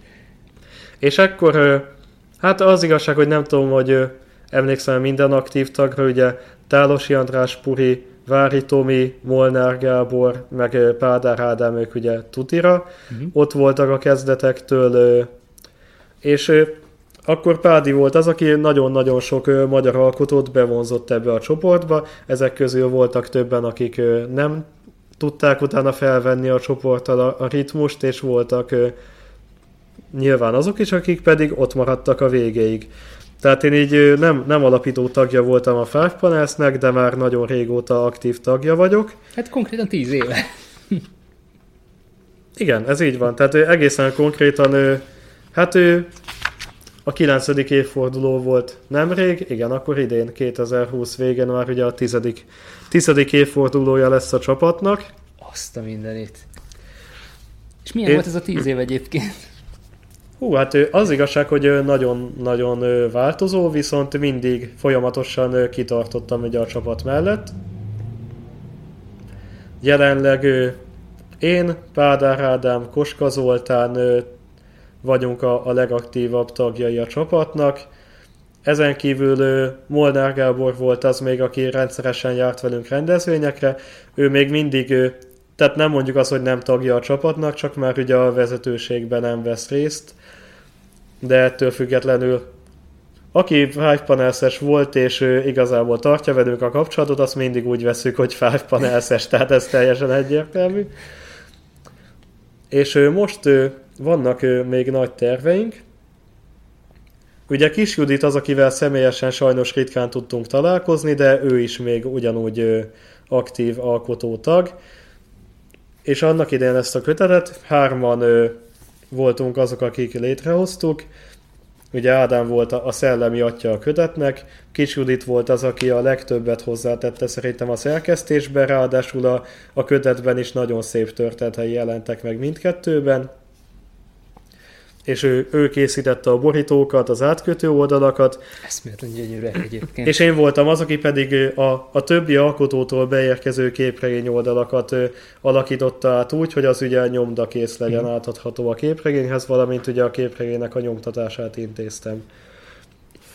Annak idején ugye egy kb. egy tucat alkotó vett részt a, a macskás antológiába, és itt változó hosszúságú történetek szerepeltek benne, tehát volt, aki csupán egy öt oldal körüli történettel járult hozzá, volt, aki ugye tíz fölötti, és szerintem ez volt a, az akkor a legsikeresebb kötete a Fájpanelsznek. Tehát ennél ugye én a téma miatt gondoltam úgy, hogy szerintem érdemes lenne mondjuk a szokásos nyomdai mennyiségnek inkább a másfélszeresét kiadni mm-hmm. elsőre, és a, a legelső rendezvényen közel száz kötet elfogyott ebből. Az gyönyörű azért. Igen, tehát gyakorlatilag folyamatosan vitték, igazából folyamatosan ott voltak előttünk, és mindig vittek a kötetből. Később ugye a céltalannal sikerült még ezt szerencsére megismételni ezt a sikert. És már igazából az első rendezvény után gondolkoztunk, hogy akkor ugye utánnyomásra van szükség. Mm Ekkor ugye az első 150 után ismét 100 példányt készítettünk belőle, és ez akkor nagyjából ugye egy év alatt el is fogyott ez a hmm. mennyiség is. És ma már beszerezhetetlen? Igen. Szinte hihetetlen. Pedig, pedig igen, tehát egyébként neked a kettő közül melyik a, a, a mi szimpatikus, vagy amire úgy érzed, hogy jobb lett? Az az igazság, hogy szerintem, mint antológia, inkább a macskás működött jobban, Viszont a, a kutyásban voltak olyan történetek, amik viszont egyénileg, mint történet kiemelkedőbbek lettek, szerintem. Igen.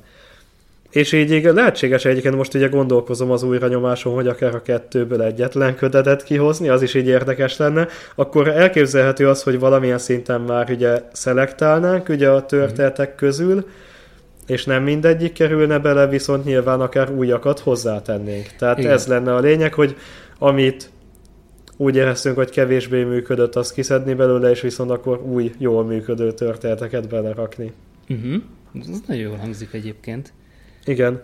Ugye a Egy évre rájelent meg ennek a kötetnek a folytatása, a Tja, ami egy kutyás képregény antológia. Egyébként ezeket a neveket annak idén sokan volták, hogy szítták, hogy ez milyen hülye névválasztás, de ennek ellenére ugye rendszere, rendszeresen az volt, hogy egyszerűen mindenki poénkodott vele, hogy csak egy skát kérek, meg egyébhez hasonlók, tehát hogy így mentek ugye folyamatosan ugye ezek a különböző fricskák a címadásra, és képzeld el, hogyha cicának nevezitek, és ica lett volna, és kérek egy icát. Ja, igen. És e- ezt viszont sikerült igen a céltalannal is elérni, mert ott meg folyamatosan azok a fajta poénkodások mentek, hogy mondjuk a, a reklámokat kitettük úgy, hogy mondjuk céltalan árajánlat, vagy pedig ezen kívül az, hogy mondjuk céltalan nyereményjáték, és akkor lehetett nyomni az olyan poénokat, hogy hát eléggé céltalan lett ez a poszt, meg egyéb hasonlók.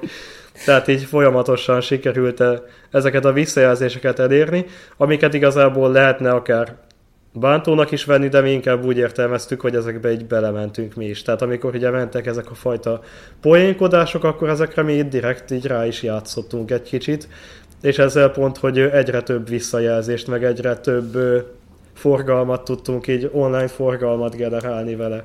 Persze, meg szerintem ezek a címek, ezek úgy, ahogy vannak, baromi kreatívak is. Tehát ennél, ennél jobb címet nem nagyon tudtál volna nekik adni. Igen, és ugye egy évre jelent meg a kutyás antológia.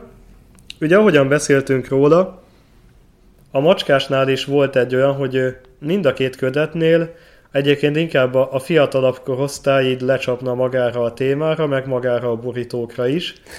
Azok nagyon-nagyon csábítóak. Igen, viszont ennek ellenére ugye a mindkét ködetben szerepeltek olyan történetek, amik nem feltétlen annyira gyerekbarátak.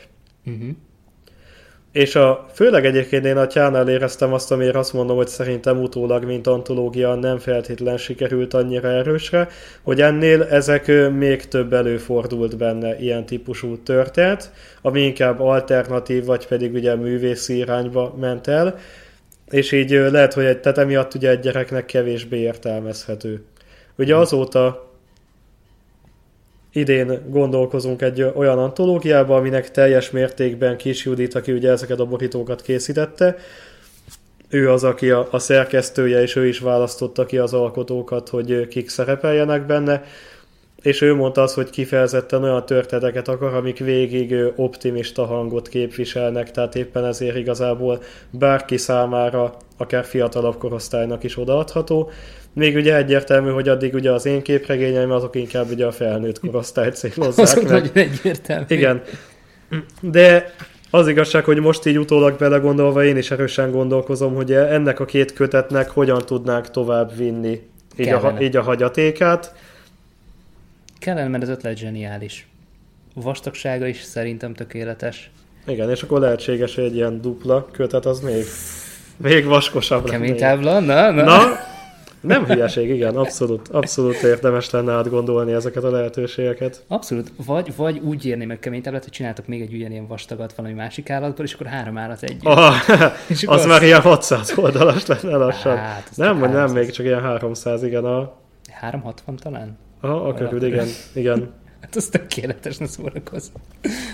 És igazából már, amikor ugye ezeken az antológiákon dolgoztam, akkor már párhuzamosan ö, dolgoztam a céltalanon is. Tehát ugye a mhm. céltalannak a munkálatai nem ö, közvetlenül a testvérek után kezdődtek el, hanem a, a testvérek után még volt ö, néhány ö, kisebb ö, Five Panels antológia, de ezek inkább csak ugye a füzet formátumok uh-huh. voltak, tehát nem ilyen típusúak, mint a macska meg a kutya. És ezeken akkor ugyanúgy ilyen rövid történeteken dolgoztam, tehát ilyen 5-10 oldal körüliek, és a következő, következő egy évben ezeken munkálkodtam. Nem hiányzik egyébként a Five Panels füzet? Így a, nem tudom, magyar közönségnek, vagy nektek? Ja, az Epic Line? A, igen, például, igen, igen, igen, igen. Ő, sokszor ő, szoktak érdeklődni, de az mostanában ugye inkább az, az önálló kötetekre koncentrál a legtöbb alkotó, vagy pedig ugye ezeken a, a vaskosabb antológiák. Tehát a füzetes formátummal ugye az a gond, hogyha folytatásra kell várni, akkor nagyon sok plusz munkát igényel, tehát ugye egyfelől ugye a fix állandó folytatásokat kihozni. Mm. Azon kívül az, hogyha van egy nagyon hosszú sorozat, ami mondjuk 10-12 szám, akkor új vásárlót csak úgy tudunk bevonzani, hogyha ugye az első számokból is folyamatosan tartunk fenn készletet. Tehát eh, ezek miatt gondolkozunk inkább ugye az önálló kötetekben. Oké, okay, ebből a szempontból teljesen van értelme egyébként. Igen. Igen, és ugye volt ugye az antológiák, és ezek után elkezdtük tervezni Ádámmal a céltalant, amikor tartottam ugye ezt a bizonyos szünetet nagyjából ugye a 2015-ös évbe, akkor már ugye folyamatosan zajlott az, hogy ugye a céltalan megtervezése. És 2015, 16, 17, tehát egy ilyen közel három éves folyamat volt ennek az elkészítése. Tize, te 15 17-ig? Ö, egyébként úgy van, hogy ugye 10, ne gondolkozom, 19-ben adtuk ki? Igen. Akkor ki, igen, akkor 16, 17, 18. Igen, így van. Tehát ugye a 19 elején jelent meg. Tehát ugye 2016-ban már tehát ezen dolgoztam folyamatosan, ugye készítettem a rajzokat, 2015-ben még csak ugye a tervezés zajlott, és 19 elején jelent meg.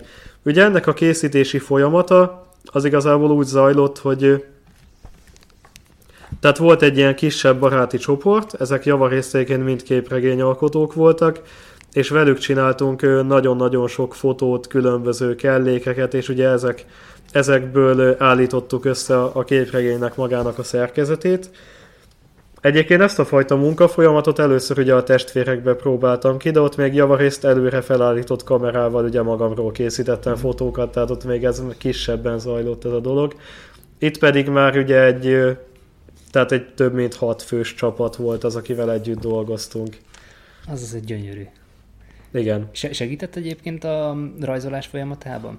É, igen, mindenképpen nagyon sokat segített, viszont ő, voltak, egyébként főleg ugye a rajzos kollégáktól jött az a visszajelzés, hogy ugye ez a fajta rajstílus, amiben ugye nagyon szigorúan törekszem arra, hogy az eredeti karakterek, meg ugye az eredeti vonalakat jelenítsen meg, hogy ez valamilyen szinten merevséget kölcsönöz a rajzoknak, uh-huh. És hogy ez volt az, amit ugye mondtam, hogy a Horror Toberbe próbáltam elhagyni, ahol ugye szintén dolgoztam eredeti képek alapján is, viszont sokkal lazábban rajzoltam át azokat, tehát hogy kevésbé ragaszkodjak az eredeti fotókhoz. Uh-huh. Baromi érdekes folyamat, hogy, hogy mi, egyébként mindegyik panelről készítettetek képeket, vagy, vagy csak ugye a fontosabbakról? Ő, igazából mindegyikről, tehát mindegyikről. De úgy volt, hogy amikor ugye egy-egy ilyen fotózást megejtettünk, akkor mondjuk egy ilyen maximum három óra alatt lehetett rögzíteni akkor adagot, ami akár fél éven át kitartott utána rajzban. Tehát, hogy jó pár oldalnak az anyagait rögzítettük, nyilván akkor ugye több száz kép készült, tehát egyetlen egy jelenetről ugye több szemszögből készültek képek, meg szerencsére ugye attól, hogy ennyivel több kép készült, mint ami feltétlenül szükséges volt a rajzoláshoz, így sokszor tudtam visszanyúlni régebbik fel nem használt képekhez.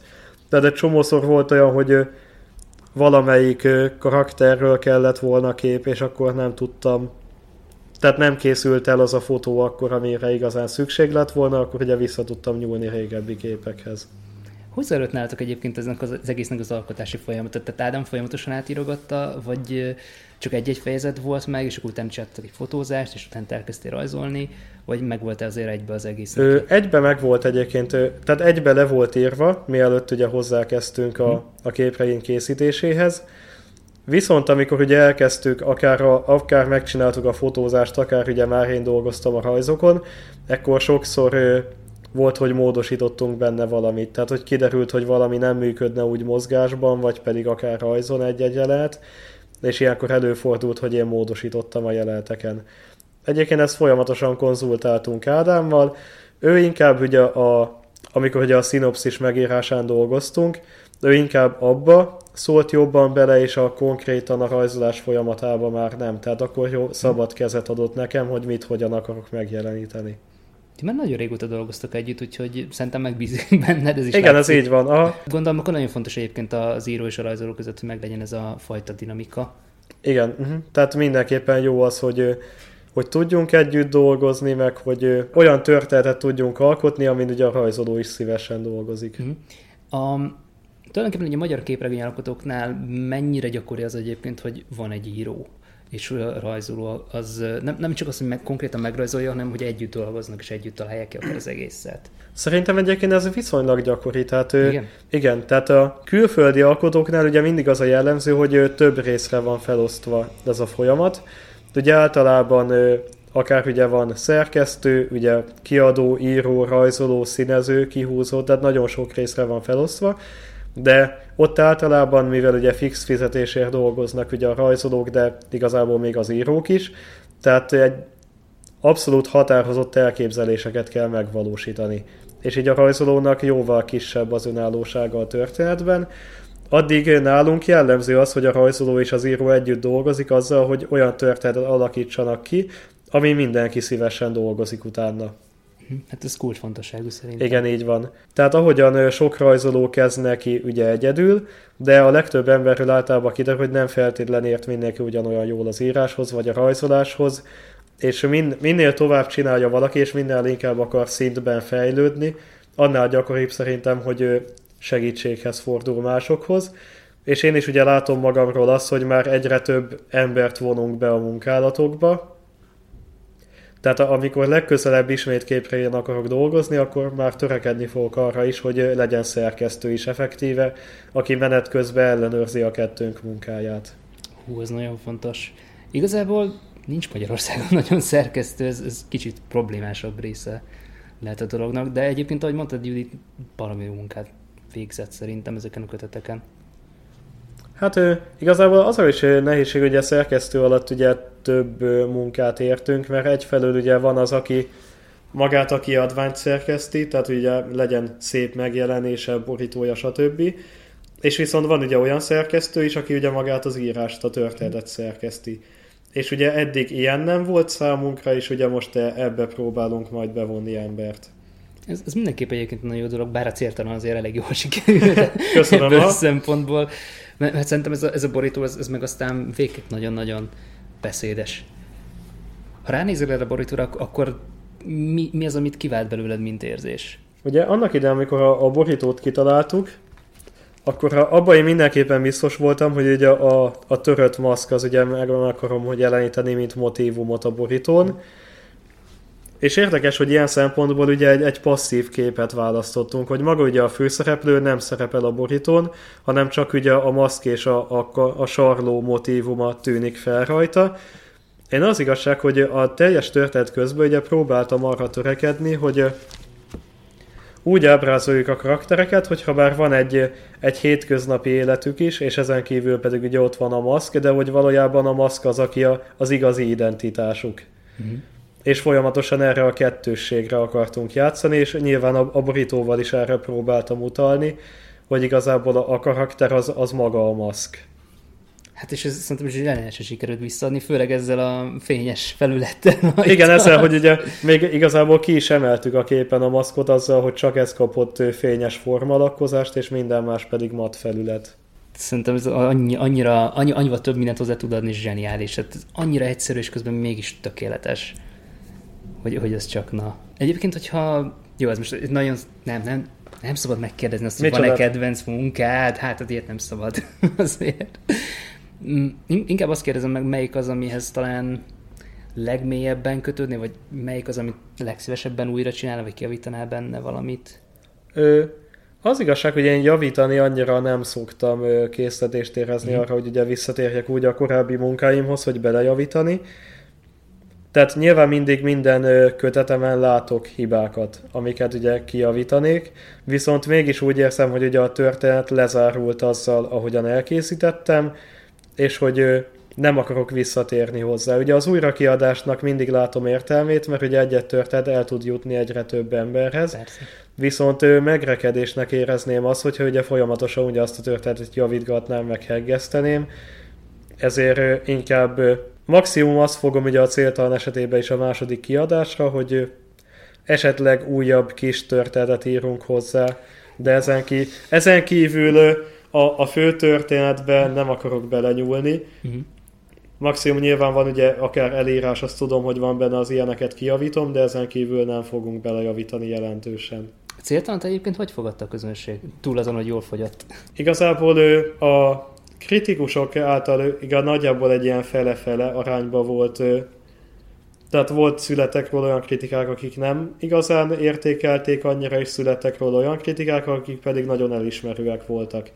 Tehát ilyen szempontból megosztó volt kritikusi szempontból a kötet, viszont a közönségnél úgy vettem észre, hogy jóval magasabb arányban voltak azok, akiknek tetszett. Szerinted mennyivel játszott az közre, hogy, hogy a magyarok vágynak esetleg magyar történetekre? Szerintem ez mindenképpen nagyon jelentősen képviselte ezt. Tehát a, ha ez egy nemzetközi történet lenne, aminek nem lenne semmilyen magyar kötődése, akkor szerintem a, a közönség szempontjából is jóval jobban szétszednék kritikailag. Tehát az emberek valamilyen szinten még mindig elnézőbbek vagyunk ugye egy, egy magyar kötethez képest, ami nyilván következik abból, hogy az alkotói folyamata teljesen más, tehát, de én mindig úgy érzem, hogy nem feltétlen szabad erre direkt építeni alkotóként, Persze. tehát nekünk törekedni kell arra, hogy a lehető legjobbat nyújtsuk, és olyan, olyan kötetet hozzunk létre, ami akár nemzetközi viszonylatban is megállna a helyét, és ne pedig az, hogy csak erre a, a magyar piacnak a ilyen szempontból még mindig tartó elnézésére próbáljunk appellálni. Hát persze, meg hát azért szerintem így mi magyarok azért vágyunk arra, hogy legyen nekünk is egy saját képregényes kultúránk. Ez biztos, igen. Aha. Meg, meg hát azok, amiket itt csináltak, meg ezek a könyvek, tehát a céltalan, vagy a, a cska, az például szerintem zseniálisak úgy, ahogy vannak, és ilyenből kellene Köszönöm szépen. több mindenféleképpen. Igen, ugye én is, amikor ezeket megcsináltuk, ugye arra akartam törekedni, hogy már túllépjünk azon, hogy a magyar szerzői képregény úgy jelenje meg a polcokon, mint hogyha valami ilyen kis füzet, vagy valami mm. ilyesmi lenne. Tehát megjelenésében is mindenképpen azt akartam, hogy impozáns megjelenést keltsen. És ugye ezt még akár azzal is, amikor ugye volt ugye a Horrortober, ami csak igazából egy fanzin, tehát egy 32 oldalas, ennél is törekedtem arra, hogy amikor ugye kézbe veszi az ember, akkor vastag papírra legyen nyomtatva, tehát olyan, olyan minőségi érzést keltsen az olvasóban, hogy nem valami ilyen kis olcsó magyar terméket tart a kezébe, tehát ne valamilyen kis hazai utánzat megjelenését keltse, hanem valamilyen professzionálisabb hatást keltő termékét. Van esetleg kedvenc rajzod ebből a horror októberből? Egy, egyébként azt tervezett, hogy minden évben más tematikája lesz, vagy mindig horror lesz? Hát lehetséges egyébként, hogy a tematikát módosítani fogom.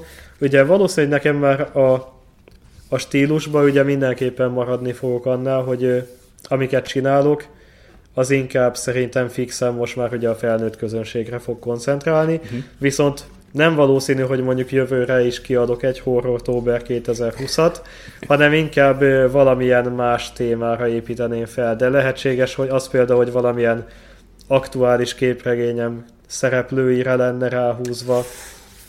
Tehát Mindenképpen lesz fix tematika, ami évenként eltérő, de valószínűleg a stílus az hasonló marad. Azt hiszem, talán most idén csinált egy, hiszem, talán amerikai képregényrajzoló olyat, hogy egy konkrét képregényt felhúzott erre a horror témára. És ebben Vagyis akkor ő az Inktober. Igen, Inktober, igen, igen, igen, igen, tehát hogy az Inktober minden egyes napján ahhoz a tematikához fűzte azt az oldalt, és elmesélt egy egész történetet így a 30 oldallal. Tehát azért ez egy kicsit merész. Igen, egyébként az mindenképpen merész, és nehézkes, ha bár egyébként megoldható. Ugye amit én láttam még, ugye webképregényesek csinálják azt, amikor ugye inkább a comic strip műfajhoz mm-hmm. hasonlít jobban, hogy ugye ilyen négy képkockás webképregények, és akkor ott volt az, hogy ugye a témáról ért akkor nyilván egy ilyen rövid geget. Tehát mm-hmm. az volt még, amit láttam másoknál. Nem gondolkodtál egyébként webképregény készítésében? Mostában egyébként az is felmerült bennem, viszont valószínű, hogy ha a webképregényen dolgoznék, akkor teljesen más szerkezettel indulnék neki, mint, a, mint ezeknek. No. Tehát, hogy nem, nem egy ilyen típusú képregényt akarnék létrehozni webképregényben, mint mondjuk egy céltalan, hanem ugye a webképregényben azt vettem észre, hogy sokkal jobban mennek ugye azok, amik hétköznapi szituációkat dolgoznak fel humoros formában, és inkább akkor én is valami ehhez hasonlót próbálnék meg kialakítani. Tehát a webképregényem az valószínűleg inkább egy kicsit ilyen naplószerű lenne, de egyébként ez elég gyakran foglalkoznak sokan ilyenekkel. Igazából azt kell átgondolnom, hogy mennyiben tudnék ebben eltérő lenni, mint ugye az összes többi olyan webképregényes, aki ezeket a abszolút hétköznapi élményeit fűzi fel mondjuk hetente egy-egy képsorba? Ez egy nagyon érdekes kérdés egyébként.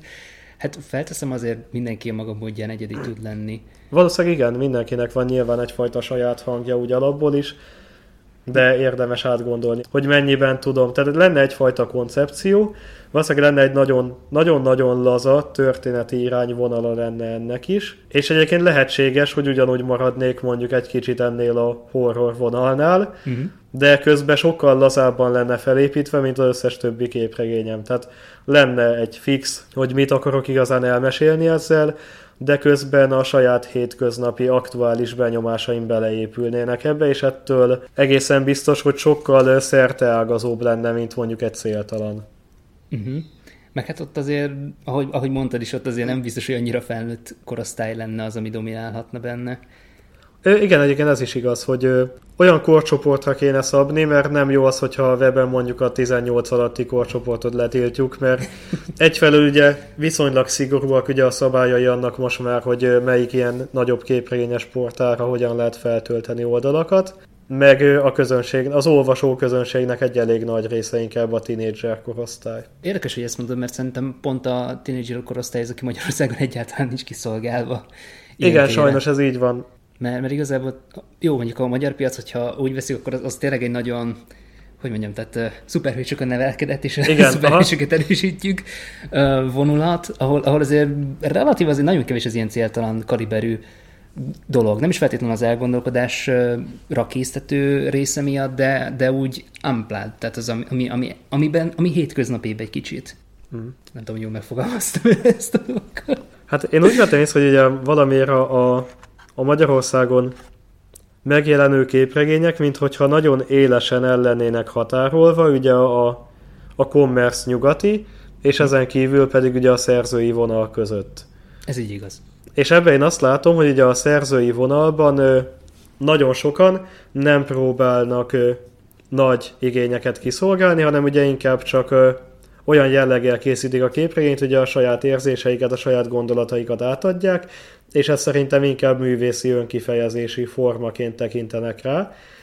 És ezen kívül pedig a túloldalon vannak ugye a nyugatról átvett nagy képregények, és az utóbbi, utóbbi években látom azt, hogy mi is ugye nyilván elindultunk arra, hogy a kettőt közelebb hozzuk egymáshoz, és más alkotóknál is ez látható, hogy kezdenek akkor inkább tehát olyan képregényeket kialakítani, amik adott műfajokra építenek, Mondjuk az én esetemben ugye ott volt ugye a testvérek, amelyik még valahol ugye ez a szerzői vonal és a, a horror között féltávon helyezkedett el. Ott van ugye a céltalan, ami szerintem már jóval közelebb áll a commerce vonalhoz. És szerintem emiatt sokkal inkább elképzelhető, hogy valaki, aki egyáltalán nem hallott még rólam, egyáltalán nem tud arról, hogy ez egy magyar képregény, hogy ez mégis elkezdje érdekelni. Uh-huh. És ott van akár ugye a Kittenberger, tehát több olyan képregény sorozat, vagy pedig ugye Pilc Roland munkái. Ne is mond, őket ne is mond. Tehát, hogy, hogy ők egyértelműen már ugye nyitnak a nagyobb közönség felé, és arra, hogy ugye ezeket az igényeket kielégítsék, de közben mégis tudnak tartani saját szerzői hangvételt. Igen. Mondjuk egyébként a Rolinál pont az a baj, hogy évente egyszer. Igen, ez nála, nála egy komoly gond, hogy sajnos nagyon, nagyon lassan. Igen, viszont cserébe legalább a minőség az olyan, meg a történet, meg a rajzok, minden. Igen. Az mm-hmm. úgy, hát igen, az, azokat azért nagyon szeretjük. Egyébként, amikor képregényt olvasol, akkor mennyire figyelsz inkább a rajzokra? Én azt vettem észre, hogy ugye nálam nagyjából ö, egy ilyen lehet, hogy fele-fele, de lehet, hogy egyébként erősebben a, a történet irányba mhm. tolódik el a dolog. Tehát, hogy vannak, vannak olyan képregények, amelyeknél a, a rajz az, amit inkább hangsúlyosabbnak érzek, és vannak olyan képregények, amelyeknél pedig inkább a történet. Viszont ő nagyon-nagyon figyelem azt, hogy a, amik még itthon nem annyira, vagy csak éppen kezdenek megjelenni, hogy nyugaton is lezajlott egy olyan folyamat, amelyikben ugye a szerzői és a nagy kiadói vonal elkezdett közelíteni egymáshoz, és például maga a Marvel Comic nagyon sok olyan szuperhős képregényt ad ki, ami mind vizualitásában, mind történetmesélésében sokkal közelebb áll már a szerzői vonalhoz.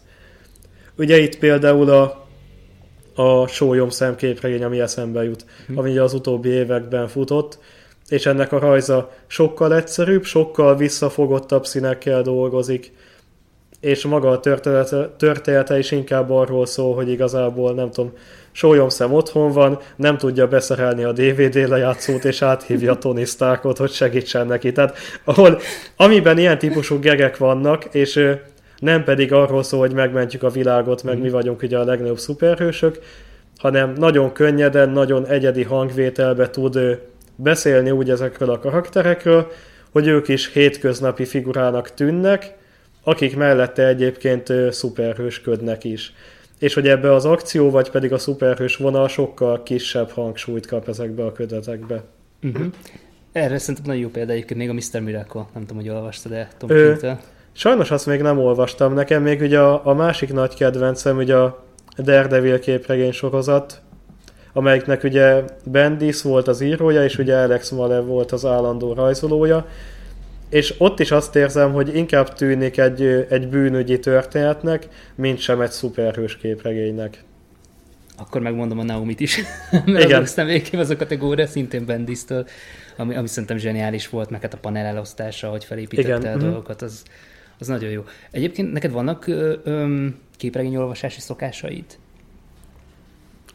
Igen, abszolút vannak, sőt nem csak képregényolvasási, hanem majd, hogy nem így olvasási szokásaim. Tehát, hogy azt vettem észre, hogy az utóbbi években maga az olvasás így kezdett egy kicsit ilyen másodlagos tevékenységé válni nálam, tehát hogy nem elsősorban az olvasásra koncentrálok, hanem mondjuk utazás közben olvasok, hogy ugye jobban elteljen az idő.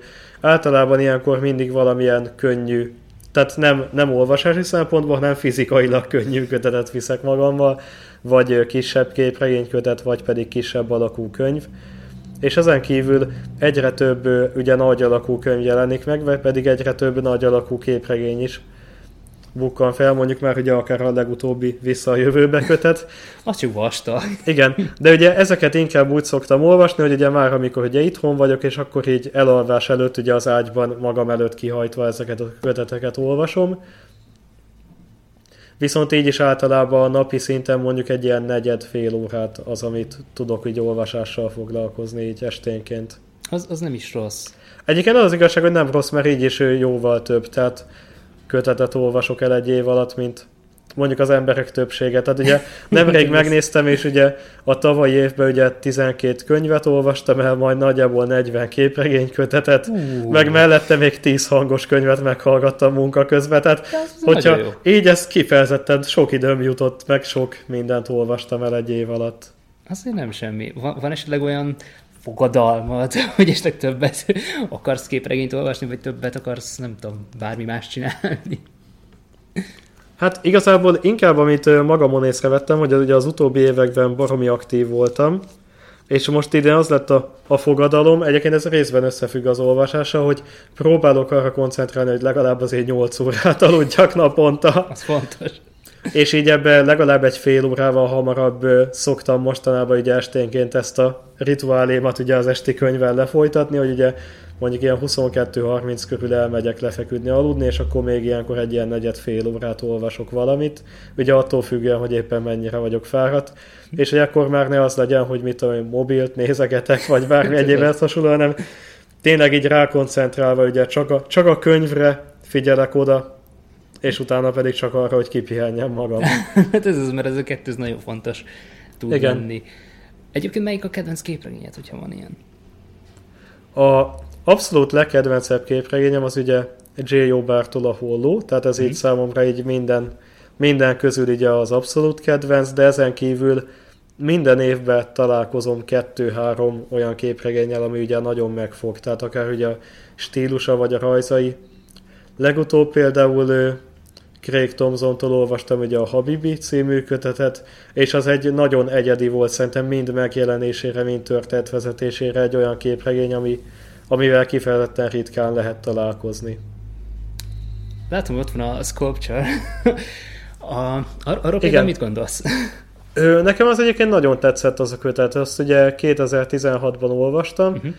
Egyébként ez érdekes, hogy ő pont olyan lelki állapotba is talált meg, amikor azért azt nem mondom, hogy a, a kötet alkotójával teljesen megegyező problémáim voltak, de ugye nekem is volt egy ilyen lelkileg mélyebbi pontom, mert ugye pont nem sokkal előtte ért egyébként véget egy ilyen több mint négy évig tartó párkapcsolat, uh-huh. és akkor egy kicsit egyébként a céltalannak is ugye a, a rajzolásában volt egy ilyen kis stressz, amit nem tudtam, hogy hogyan, hogyan tudok haladni benne, és azt a kötetet akkor pont úgy olvastam el, hogy akkor azon az egy héten majd, hogy nem esténként semmi másra nem figyeltem oda, csak így a, a képregény elolvasására, tehát hogy így hazaértem munkából, és utána igazából olvastam a képregényt este. Igen, nálam is egyébként ugyanez a hatása volt, tehát hogy, hogy egy, egy ültőhelyemben végigolvastam, és amikor este tízkor kezdtem el, elsok egy pár oldalt, ja, hát pár órával később meg már a Igen, nekem is ugye az volt, hogy ugye akkor ugye pár napig tudtam azt tartani, hogy mondjuk ilyen napi száz oldalt elolvastam uh-huh. belőle. Viszont arra emlékszem, hogy az utolsó blokk nálam is így egybe volt. Tehát a végén az volt, hogy mondjuk ilyen délután, mondjuk ilyen este 7-8-kor elkezdtem, és akkor igazából majdnem ilyen 11 éjfélig, mert hogy már a vége előtt igazából nem tudtam letenni, úgyhogy na majd akkor maradék 50-100 oldalt holnap elolvasom, az már a végén így lehetetlen volt. Tehát, tehát igen, tehát az, az amit ott uh, Scott McCloud véghez tehát az szerintem zseniális. Igen. Uh-huh. Mondjuk az ő munkáira alapból jellemző zsenialitás. Igen, ugye tőle ugye előtte csak ugye a képregény felfedezését, meg ugye uh-huh. a képregény történetét olvastam. Ja, a képregény mestersége és képregény uh-huh. felfedezése.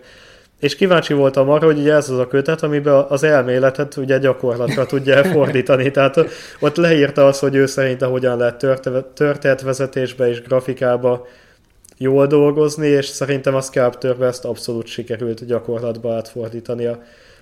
De egyébként most kifejezetten keresem is az ilyen típusú képregényeket, tehát amik földhöz ragadtabbak, inkább ugye az alkotói folyamatról, vagy pedig magáról az életről szólnak, mhm. és nem pedig az ilyen nagy világszintű problémákról, vagy, vagy szuperhősökről.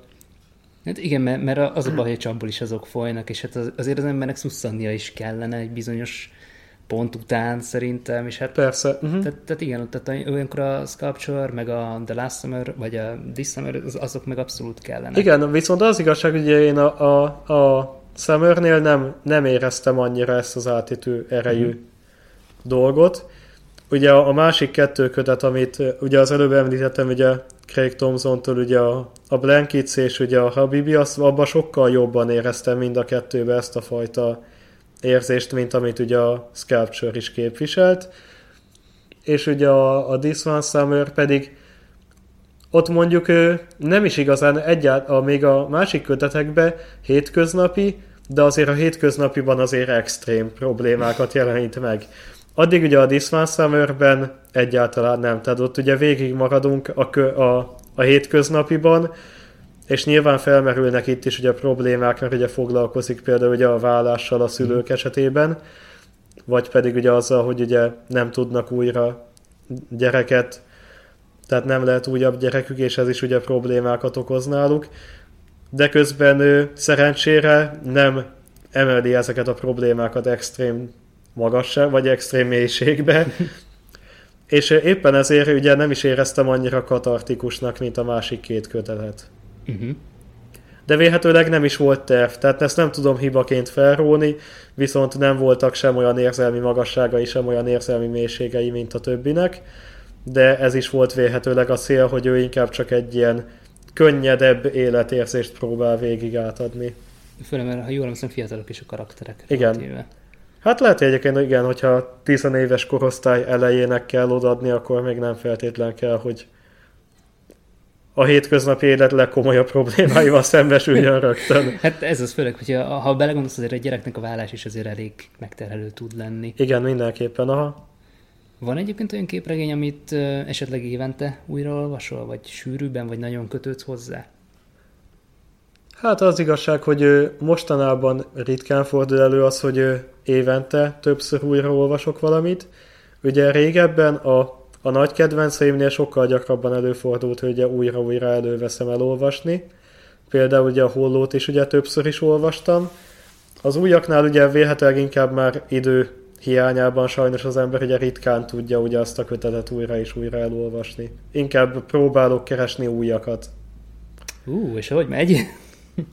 Hát sikerül egyébként, meg ugye nyilván amikor azt mondom, hogy ugye újakat keresek, akkor egyben ugye újabb hangvételekre is mindig mhm. törekszem. Tehát vannak ugye a visszatérő kedvencek, amik igazából mindig maradnak az életemben, ha bár pont az idei évben például a Pókembertől már jelentősen eltávolodtam. oh, őrület. Szegény. Szegény. Ő még mindig tínédzser egyébként? Mm, azt hiszem, hogy igen. Tehát, azt hiszem, ha bár ezzel ellentétben a, a legutóbbi képregényekben mégis elkezdődött nála is egy ilyen egyedi hangvétel kialakítása. Ettől függetlenül én mégis úgy érzem, hogy nem, nem igazán tud eltávolodni a szokásos keretektől. Tehát nem annyira tud felépülni ez a képregény történet. Vagy nem tud, vagy nem szabad neki. Hát lehet, hogy inkább az utóbbi. Én is inkább erre tippelek. Mert, mert igazából szerintem Pókember is egy olyan karakter, aki, akivel nem bárki bármit tudna csinálni, csak pont ugyanolyan, mint mondjuk egy, egy film a Disney-en, hogy a Disney megmondja, hogy jó, de hát azt nem csinálhatjátok, mert hogy Szerintem inkább az lehet a gond, hogy ugye haladni, tehát fejlődni, növekedni mm-hmm. nem tud a karakter. Tehát ez lenne a célja egy fut- Igen, ez lenne a célja. Tehát szerintem valószínű, hogy jobban járt volna annak idején a, a Marvel, hogyha ugye a karaktereit jobban engedi haladni korban. Tehát lehet, mm-hmm. hogy ha a Marvel egy olyan üzletpolitikát folytatott volna, hogy a karakterei ugye folyamatosan fejlődnek, akár meg is öregednek, ugye átadják a stafétabotot újra és újra fiatalabb és másmilyen karaktereknek, akkor már eljuthattunk volna odáig, hogy most már ugye van egy 50 éves pókember, és mondjuk már egy másik karakter viszi helyette a címet, amiben ő inkább csak egy ilyen mester jellegű figurát mhm. tölt be. És érdekes, hogy erre folyamatosan van törekvés, viszont szerintem ez a törekvés engem azért zavar, mert inkább extrémen történik. Tehát szerintem hmm. azzal nem tudja igazán jól bemutatni az életrendjét, hogyha úgy ábrázoljuk a karaktert, hogy valaki 50 éven át tinédzser, majd fogjuk, megöljük, és hát teszünk a helyére egy másik tinédzsert, akkor ezzel szerintem nem történik meg az a fejlődés, ami igazán működőképes lenne, hanem inkább ehelyett szerintem az kéne, hogy már ugye ugyan, ugyanúgy ott lenne ugye egy fiatalabb pókember, amelyik egy másik generációnak szól, és ebbe ugye Miles Morales karaktere mm. szerintem tök jó is volt, és például az animációs film hihetetlen jól működött nála. Zseniális volt. Csak ugye ezzel ellentétben a valódi képregénybe maga Peter nem lett az a mesterfigura, ami ugye az animációs mm-hmm. filmben lehetett, mert ott ugye egy alternatív dimenzióba foglalkoztunk vele. És jobb lenne akkor, hogyha már mondjuk Peter ott lenne akár egy 50-es éveiben járó felnőtt férfiként, aki akár már családapa, vagy lehet az is, hogy nem, mert ugye más problémákat mm. fogalmazunk meg vele. Ugye az animációs filmben is azt hiszem, hogy ugye elvált figura igen, volt. Igen. És ugye ezzel ellentétben a képregény ugye ezekben nem mer belelépni, mert hogy helyette akkor ugyanúgy tartsuk még ugye az eredeti főszereplőt is a fiatal generációnak fenntartva, de közben próbálunk új főszereplőket is behozni. Hát igen, tehát azért a marvel meg a disney azért nagyon kötve van az emberkezés, hát nem mindig tudsz olyan dolgokat véghez vinni, ami jó lenne, vagy fontos lenne. Uh-huh. Meg hát ugye az is, hogy a karakterek nem nagyon öregednek, ez is egy ilyen igen. Egy kicsit visszaveti a dolgokat, és hát ilyenkor jönnek az érdekesebbnek, ígérkezőbb hozzáállások, mint, mint mondjuk Uh, nem tudom, amikor DC Rebirth érájában az új Superman történet, amikor Clarkot és Lois-t házasként gyereket nevelve egy farmon ábrázolták, Aha. tehát az, az is zseniális volt. Amikor... Igen, csak ugye az, az a probléma, hogy itt meg ezek ugye mindig általában valamilyen önáll. Tehát ugye ilyen lesz megint egy ilyen reboot, ugye egy másik irányvonalat képviselünk a figurával, és az ember azért érzi komolytalannak, mert utána jön egy újabb reboot, és megint valami mást próbálunk közölni. Viszont lehetséges, hogy arra jöttem rá, hogyha úgy fogyasztom ezeket a történeteket, hogy nem próbálom folyamatában tekinteni, hanem egyszerűen csak kiemelve közülük egy-egy sorozatot, vagy egy-egy alkotói érát, amelyik jobban sikerült, ugye említve, hogy ugye ott volt a Daredevilnél mondjuk ugye a Alex Malev és ugye a Bendisnek a sorozata, akkor sokkal jobban tudom kezelni, úgyhogy a csak úgy mond a karakternek a csúcspontjait, mint önálló történet fogyasztom, ahelyett, hogy ugye megpróbálok mindent, ami a karakterrel kapcsolatos. Igen, szerintem ott a szuperhősös témából csak úgy lehet, mert másképp igen. Mert más, másképp könnyű elveszni benne. Tavaly évben melyik volt a kedvenced, amit olvastál? A magyar, vagy pedig a nemzetközi mindkettő. viszonylatban? Mindkettő? Mindkettő, mindkettő menjünk bele. Mindkettőben akkor szerintem a, a tavalyi évben ugye az említett ugye Habibi volt az a, a nemzetközi képregények közül, ami ugye a leginkább megfogott, és ugye itt az, a tavalyi évben ez volt szerintem képregényben az egyetlen, amelyik elérte azt nálam, hogy ugye túl tudjak lépni azon, hogy ugye az olvasás csak ilyen másodlagos dolog legyen, hogy akkor este olvasunk negyed órát lefekvés előtt, hanem ehelyett, hogy ténylegesen annyira érdekeljen a karakter, hogy ne bírjam letenni a könyvet. Tehát, hogy ugye minél többet akarjak elfogyasztani ebből. Akkor ezt el kell olvasnom. Igen, Igen szerintem, főleg, hogy neked tetszett mondjuk a Sculpture, akkor mm-hmm. abszolút ez a fajta gondolat. Tehát teljesen más a közeg, amiben játszódik, más típusú problémákkal foglalkozik, viszont a, a vizualitása és a maga szerintem az eszmeisége a képregénynek ahhoz áll közel. Uh-huh. Az nagyon jó. És gondolkozom, hogy akkor a magyar megjelenések közül mi volt a Mert hát ugye rekordév volt, szóval nem könnyű. Igen, ez egyébként egyértelmű, hogy ilyen szempontból rekordév. Hát, valószínűleg, hogy, hogy úgy kell kezelni, hogy a, a magyar megjelenések között ugye a, a nemzetközi vonalat elővéve, uh-huh.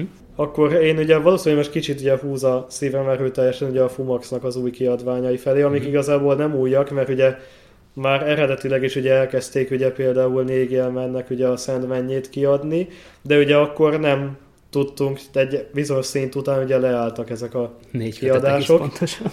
Igen, és én valószínűleg annak örültem a legjobban, hogy ezeket végre újra olvashatjuk uh-huh. magyarul. Hogyha pedig egyébként ő, magyar alkotót kéne kiemelnem, akkor én ő, Lakatos István képregényeit olvastam tavaly, és ő volt az, akinek kifejezetten elkezdtem akkor a képregényeken kívül elővenni, tehát ugye mesekönyves megjelenéseit is, és ezek voltak, amik a leginkább lekötöttek. Viszont ugye őnála is ugye sok, ami ezek közül újrakiadás, de nagyon bízom, nagyon-nagyon bízom benne, hogy az idei év akkor az hozni fog tőle is teljesen új képregényeket, vagy akár teljesen új mesekönyveket. Hát az jó volna. Igen. Meg hát ugye tőledek is egy újabb csak. Squat. Ja, igen. Hát valószínűleg nálunk is akkor vegyesen, tehát biztosan lesz újrakiadás is abból, ami már nem kapható a kiadónál, és ezen kívül pedig szeretnék én is ténylegesen újdonsággal is előrukkolni. Na, azt nagyon izgatottan várom, de most mindenféleképpen mesélj arra, hogy milyen lenne te visszajövő történetet. Ah, tehát, hogyha én ugye, én vissza a jövőbe történetet csinálnék, akkor valószínű, hogy a kiindulási pontnak arra mennék rá, hogyan ugye volt ugye a filmben is az alternatív 2015, uh-huh. Mhm. és én valószínűleg ugye a kiindulási pontba pedig egy a kettő közötti átmenet képező 2015-öt ábrázolnék, ami hasonlítana ugye arra is, ami ugye a filmben volt ábrázolva, de közben egy kicsit közelebb állna ugye a valós 2015-höz, és innentől kezdve pedig Marty mcfly gyerekeire fókuszálnék. Ó, oh, de, de várj, ez, ez mitől lenne népszerű ötlet? Szerintem, ja nem, szerintem mitől lenne népszerűtlen? Szerintem attól lenne egy kicsit népszerűtlen, hogy ugye elen, tehát a, a, az eredeti idős karakterek megjelennének benne mondjuk inkább csak ilyen cameo uh-huh. szerepbe, tehát nem ő rájuk koncentrálna a film, és szerintem arra gondoltam, hogy lehet, hogy attól tartaná sokan népszerűtlenek, mert ugye ebbe az esetben lehet, hogy mondjuk akár ugye női főhős is lenne. Mert ugye Marty McFly-nak ugye volt egy lánya, akiből viszont az a vicces, hogy egy ilyen teljesen karikatúra-szerű karakterként jelent meg, mert ugye ugyanúgy tehát egy, egy férfi színész játszotta, és így tehát ugye Michael G. Fox játszotta a saját lányát ebbe az esetbe, de nyilván itt akkor, mint önálló film, ugye keresnénk rá egy színésznőt, tehát hogy ne, ne ő legyen. Persze. És akkor lehetne az, hogy akár ugye ugyanúgy eljátszani ez a oda-vissza 30 éves utazgatásokkal, csak ugye egy másik generációra fókuszálna innentől. Hát szerintem ez engem baromira érdekelne. Egy, egyébként, ha jól emlékszem, akkor Bob Gérik is írták az előszóban, hogy, hogy amikor ugye elkezdtek gondolkozni azon, hogy milyen legyen ez a képregény, akkor ott is felmerült ennek az ötlete, hogy mi van akkor, hogyha a következő generációnak adják át, és Márti gyerekeiről szól, vagy csak Mártiról szólnak ezek a történetek. És, és hát azért szerintem rengeteg lehetőség van benne, tehát most képzeld, tehát eleve itt megteremtették a lehetőségét annak, hogy a gyerekek saját maguktól felfedezzék az időutazást, mert Igen. ugye még létezik egy kocsi, és hogyha nehogy Isten betévednek oda, és meglátják, és kipróbálják, el most elmegyünk ezzel, nem Persze, viszik észre, hogy hol mennek, hát ez zseniás dolgokat lehet. Igen. Ugye egyetlen egy dologra figyeljünk szerintem nagyon, hogyha ugye most volt itt ugye akár a Star Wars, meg ezen kívül ugye volt a a Tron Legacy a másik, vagy pedig ugye a Blade Runner folytatása, és hogy azt vettem észre, hogy nagyon sokszor, amikor úgy folytatnak régi szériákat, hogy ilyen 30 év távlatába, mm-hmm. akkor valamiért úgy ábrázolják ugye a főhős karaktereket, mint hogyha az ő életük az így elcsesződött volna. És ezt nekem mindig a rosszul esik látni, hogy ugye az a figura, akinek annak idén szurkoltunk, az most már egy ennyire lecsúszott vagy passzív karakter lenne. És ugye azért nehézkes szerintem a Vissza a jövőbe folytatása, mert ugye Michael J. Fox ugye a betegsége miatt nyilván nem tölthet már be szegény ugye főbb szerepeket, viszont én Mindenképpen, hogyha ugye a filmben ábrázolnám, akkor megpróbálnám úgy ábrázolni a karaktert, hogy legalább a filmbeli élete jóra fordult volna. Tehát, hogy nem akarom, azt, nem akarom azt látni megint egy film, hogy akkor, mint hogy Luke Skywalkerből remetelett, aki visszavonult a világtól, Han Solo elhagyta a családját, és megint csempészkedik, és tehát nem akarok lépten nyomon ilyeneket látni, hogy mint hogyha az eddigi erőfeszítéseik mind kárba vesztek volna, lehetnek nyilván ugye újra vannak ugye újabb konfliktusok, de mégse érezzük azt, hogy semmisítették ugye az eredeti figurának a, a történetét. Ja, Istenem, ez annyira borzalmas világban élünk, hogy mindent tönkre tesznek lényegében. Igen, és ugye azért jutott eszembe hogy a másik, hogy ugye ott volt a Tron Legacy, ott is mi derült ki. Ja, a főhős a film után rögtön eltűnt, beszippantott a programja, és fogoly lett 30 évig. Tehát, és így, nehogy már. Jó, mondjuk a, a Blade Runnernél nem tudom hibáztatni az alkotókat, mert eredetileg is noir volt, tehát hát, nyilván az hogy, az, hogy a noirban a folytatás is szar lett, az nem egy olyan meglepő fordulat. Hát ez az. Mármint úgy, nem úgy szar lett, hogy a film maga kiváló lett, csak ugye az élet útja a karakternek ugyanúgy rossz volt azután is. Persze, ez, ez egyébként nagyon érdekes, hogy, hogy tulajdonképpen ilyenkor, amikor megismerünk egy hős történetet, akkor csak abban a történetben kell a hősnek jónak lenni, és utána minden elmúlik, és akkor utána már minden normális lesz. Mert ugye az ember élet az alapból tele van hullámvölgyekkel, és Aha. hol jobb, hol rosszabb. Nem tudom, én, én valószínűleg úgy ábrázolnám ezeket a karaktereket, hogy Nyilván ugye csak egy pár percbe szerepelnének, mm. és nem feltétlen úgy, hogy ő... Tehát nem töltenének be akár annyi főszerepet sem, mint mondjuk a Star wars ugye az új részben mm. a régi szereplők, mert inkább ugye az újakra akarunk figyelni. De viszont ab, abba a kevésbe, amennyit felbukkannak, ugye mondjuk azt érezzük, hogy ők egyébként ugyanúgy harcoltak az elmúlt 30 évben, és nyilván megvoltak a maguk hullámhegyei, hullámvölgyei, de az legyen látható, hogy ők aktívak maradtak bármilyen módon. Tehát engem valószínűleg a leginkább az zavar ebbe az esetben, hogy azt érzékelteti a film, hogy passzívá vált a régi főhős. Hát igen, tehát én egyébként nem tudnék elképzelni egy filmet, ahol Michael G. Fox játszaná el mondjuk a Johnny B. Good-at. Egyébként igen, ha bár vele a koncerten sikerült neki, akkor véhetek filmbe is meg tudnánk hát oldani. Az... Igen. De, tehát most még abban az idősában vagyunk, szerintem, amikor ő még képes rá. Igen. Azt, aztán pár év múlva már ki tudja. Aha, hát igen, ugye ahogyan jó volt ugye látni az 2015-ben ugye ezt a kis filmet, amit mm. ugye rögzítettek ismét Chris lloyd és az is baromi jó volt ismét látni a két színészt. Igen, ah, hihetetlen. És egyébként én valójában egy, egy normál filmbe se feltétlen várnám el tőlük, hogy többet szerepeljenek attól, mint amennyit mondjuk ebbe a kis filmbe, ugye ott voltak mm-hmm. egy ilyen 5-10 percet maximum, tehát... Nem mondjuk igaz. Tehát, tehát igen, tehát a, egy ilyen öreg, öreg franchise-nál azért már célszerűbb átadni a következő generációnak a dolgot, akikből meg ugye ki lehet hozni valami újat, valami izgalmasat, behozni az ő problémáikat, az ő világnézetüket, igen. Uh-huh. meg stb. Vagy, vagy a másik, az, amit a Befinál csináltak, hogy adjunk neki egy soft rebootot, és akkor helyezzük a karaktereket a mai világban, és kezdjük el újraépíteni az egészet. Aha. Nem tudom, mondjuk ugye az, az necces, tehát szerintem az valószínűleg, hogyha bármilyen szinten rebootolnák, az nagyobb felhördülést váltanak ki, és szerintem pont az a jó ebbe, hogyha ilyen generációs váltást csinálunk, hogy igazából szegről végről az is egy soft reboot, tehát hogy ugyanúgy egy, egy új garnitúrának átadjuk, ugye ugyanúgy el lehet sütni a nyuszi vagy McFly poénokat ismét egy, egy másik mcfly gyakorlatilag, Persze. tehát szerintem semmivel sem tehát egy ténylegesen rebootolás más színészekkel, más ugye azt a történetet eljátszani, nem tud ő többet hozzáadni, mint amit el tudnánk játszani úgy is, hogy mondjuk egy új generációval. Egyébként szerinted elvenne bármit is az értékéből, hogyha mondjuk nem Dokinak és Mártinak a családja kerülne ezeknek a történetek középpontjába, hanem akár mondjuk egy nem váltásra, tehát egy női főszereplővel, vagy uh, tök más karaktereknél semmi köze nincs a... Mit mondjuk teszem azt mondjuk a Jumanji esetében, amit csináltak? Hát ő szerintem egyébként ő nem feltétlen venne el ebből. Tehát én, én abszolút úgy érzem, hogy ugye a, a vissza a jövőbe története van annyira univerzális, hogy ő akár más karakterekkel is működne. Én ugye azért gondoltam ugye erre, amit mondtam ötletet, mert szerintem ugye, tehát Szerintem a rajongókat egy olyan kiindulási pont érdekli, hogy ugye nyilván szeretik az eredeti karaktereket, ugye szeretik őket újra látni, és ezért jó az, hogyha a kiindulási pontban mondjuk ezt megadjuk nekik, és utána pedig el tudunk távolodni. Tehát, hogy akár ugye új karaktereket megismernek, és egy idő után teljesen más irányba el lehet vinni a történetet, és nem kell feltétlen folyamatosan vissza-vissza kanyarodni mindig az eredeti karakterekhez. Ez igaz, mert ugye, hát ugye, ahogy Dok is mondta, a sorsotokat ti magatok írjátok. Igen. Ami iszonyatosan. Szoktál egyébként idézni a filmekből? Hát az igazság, hogy én viszonylag ritkán, tehát nem, nem jellemző rám feltétlen az, hogy így filmes idézetekbe kommunikálnék.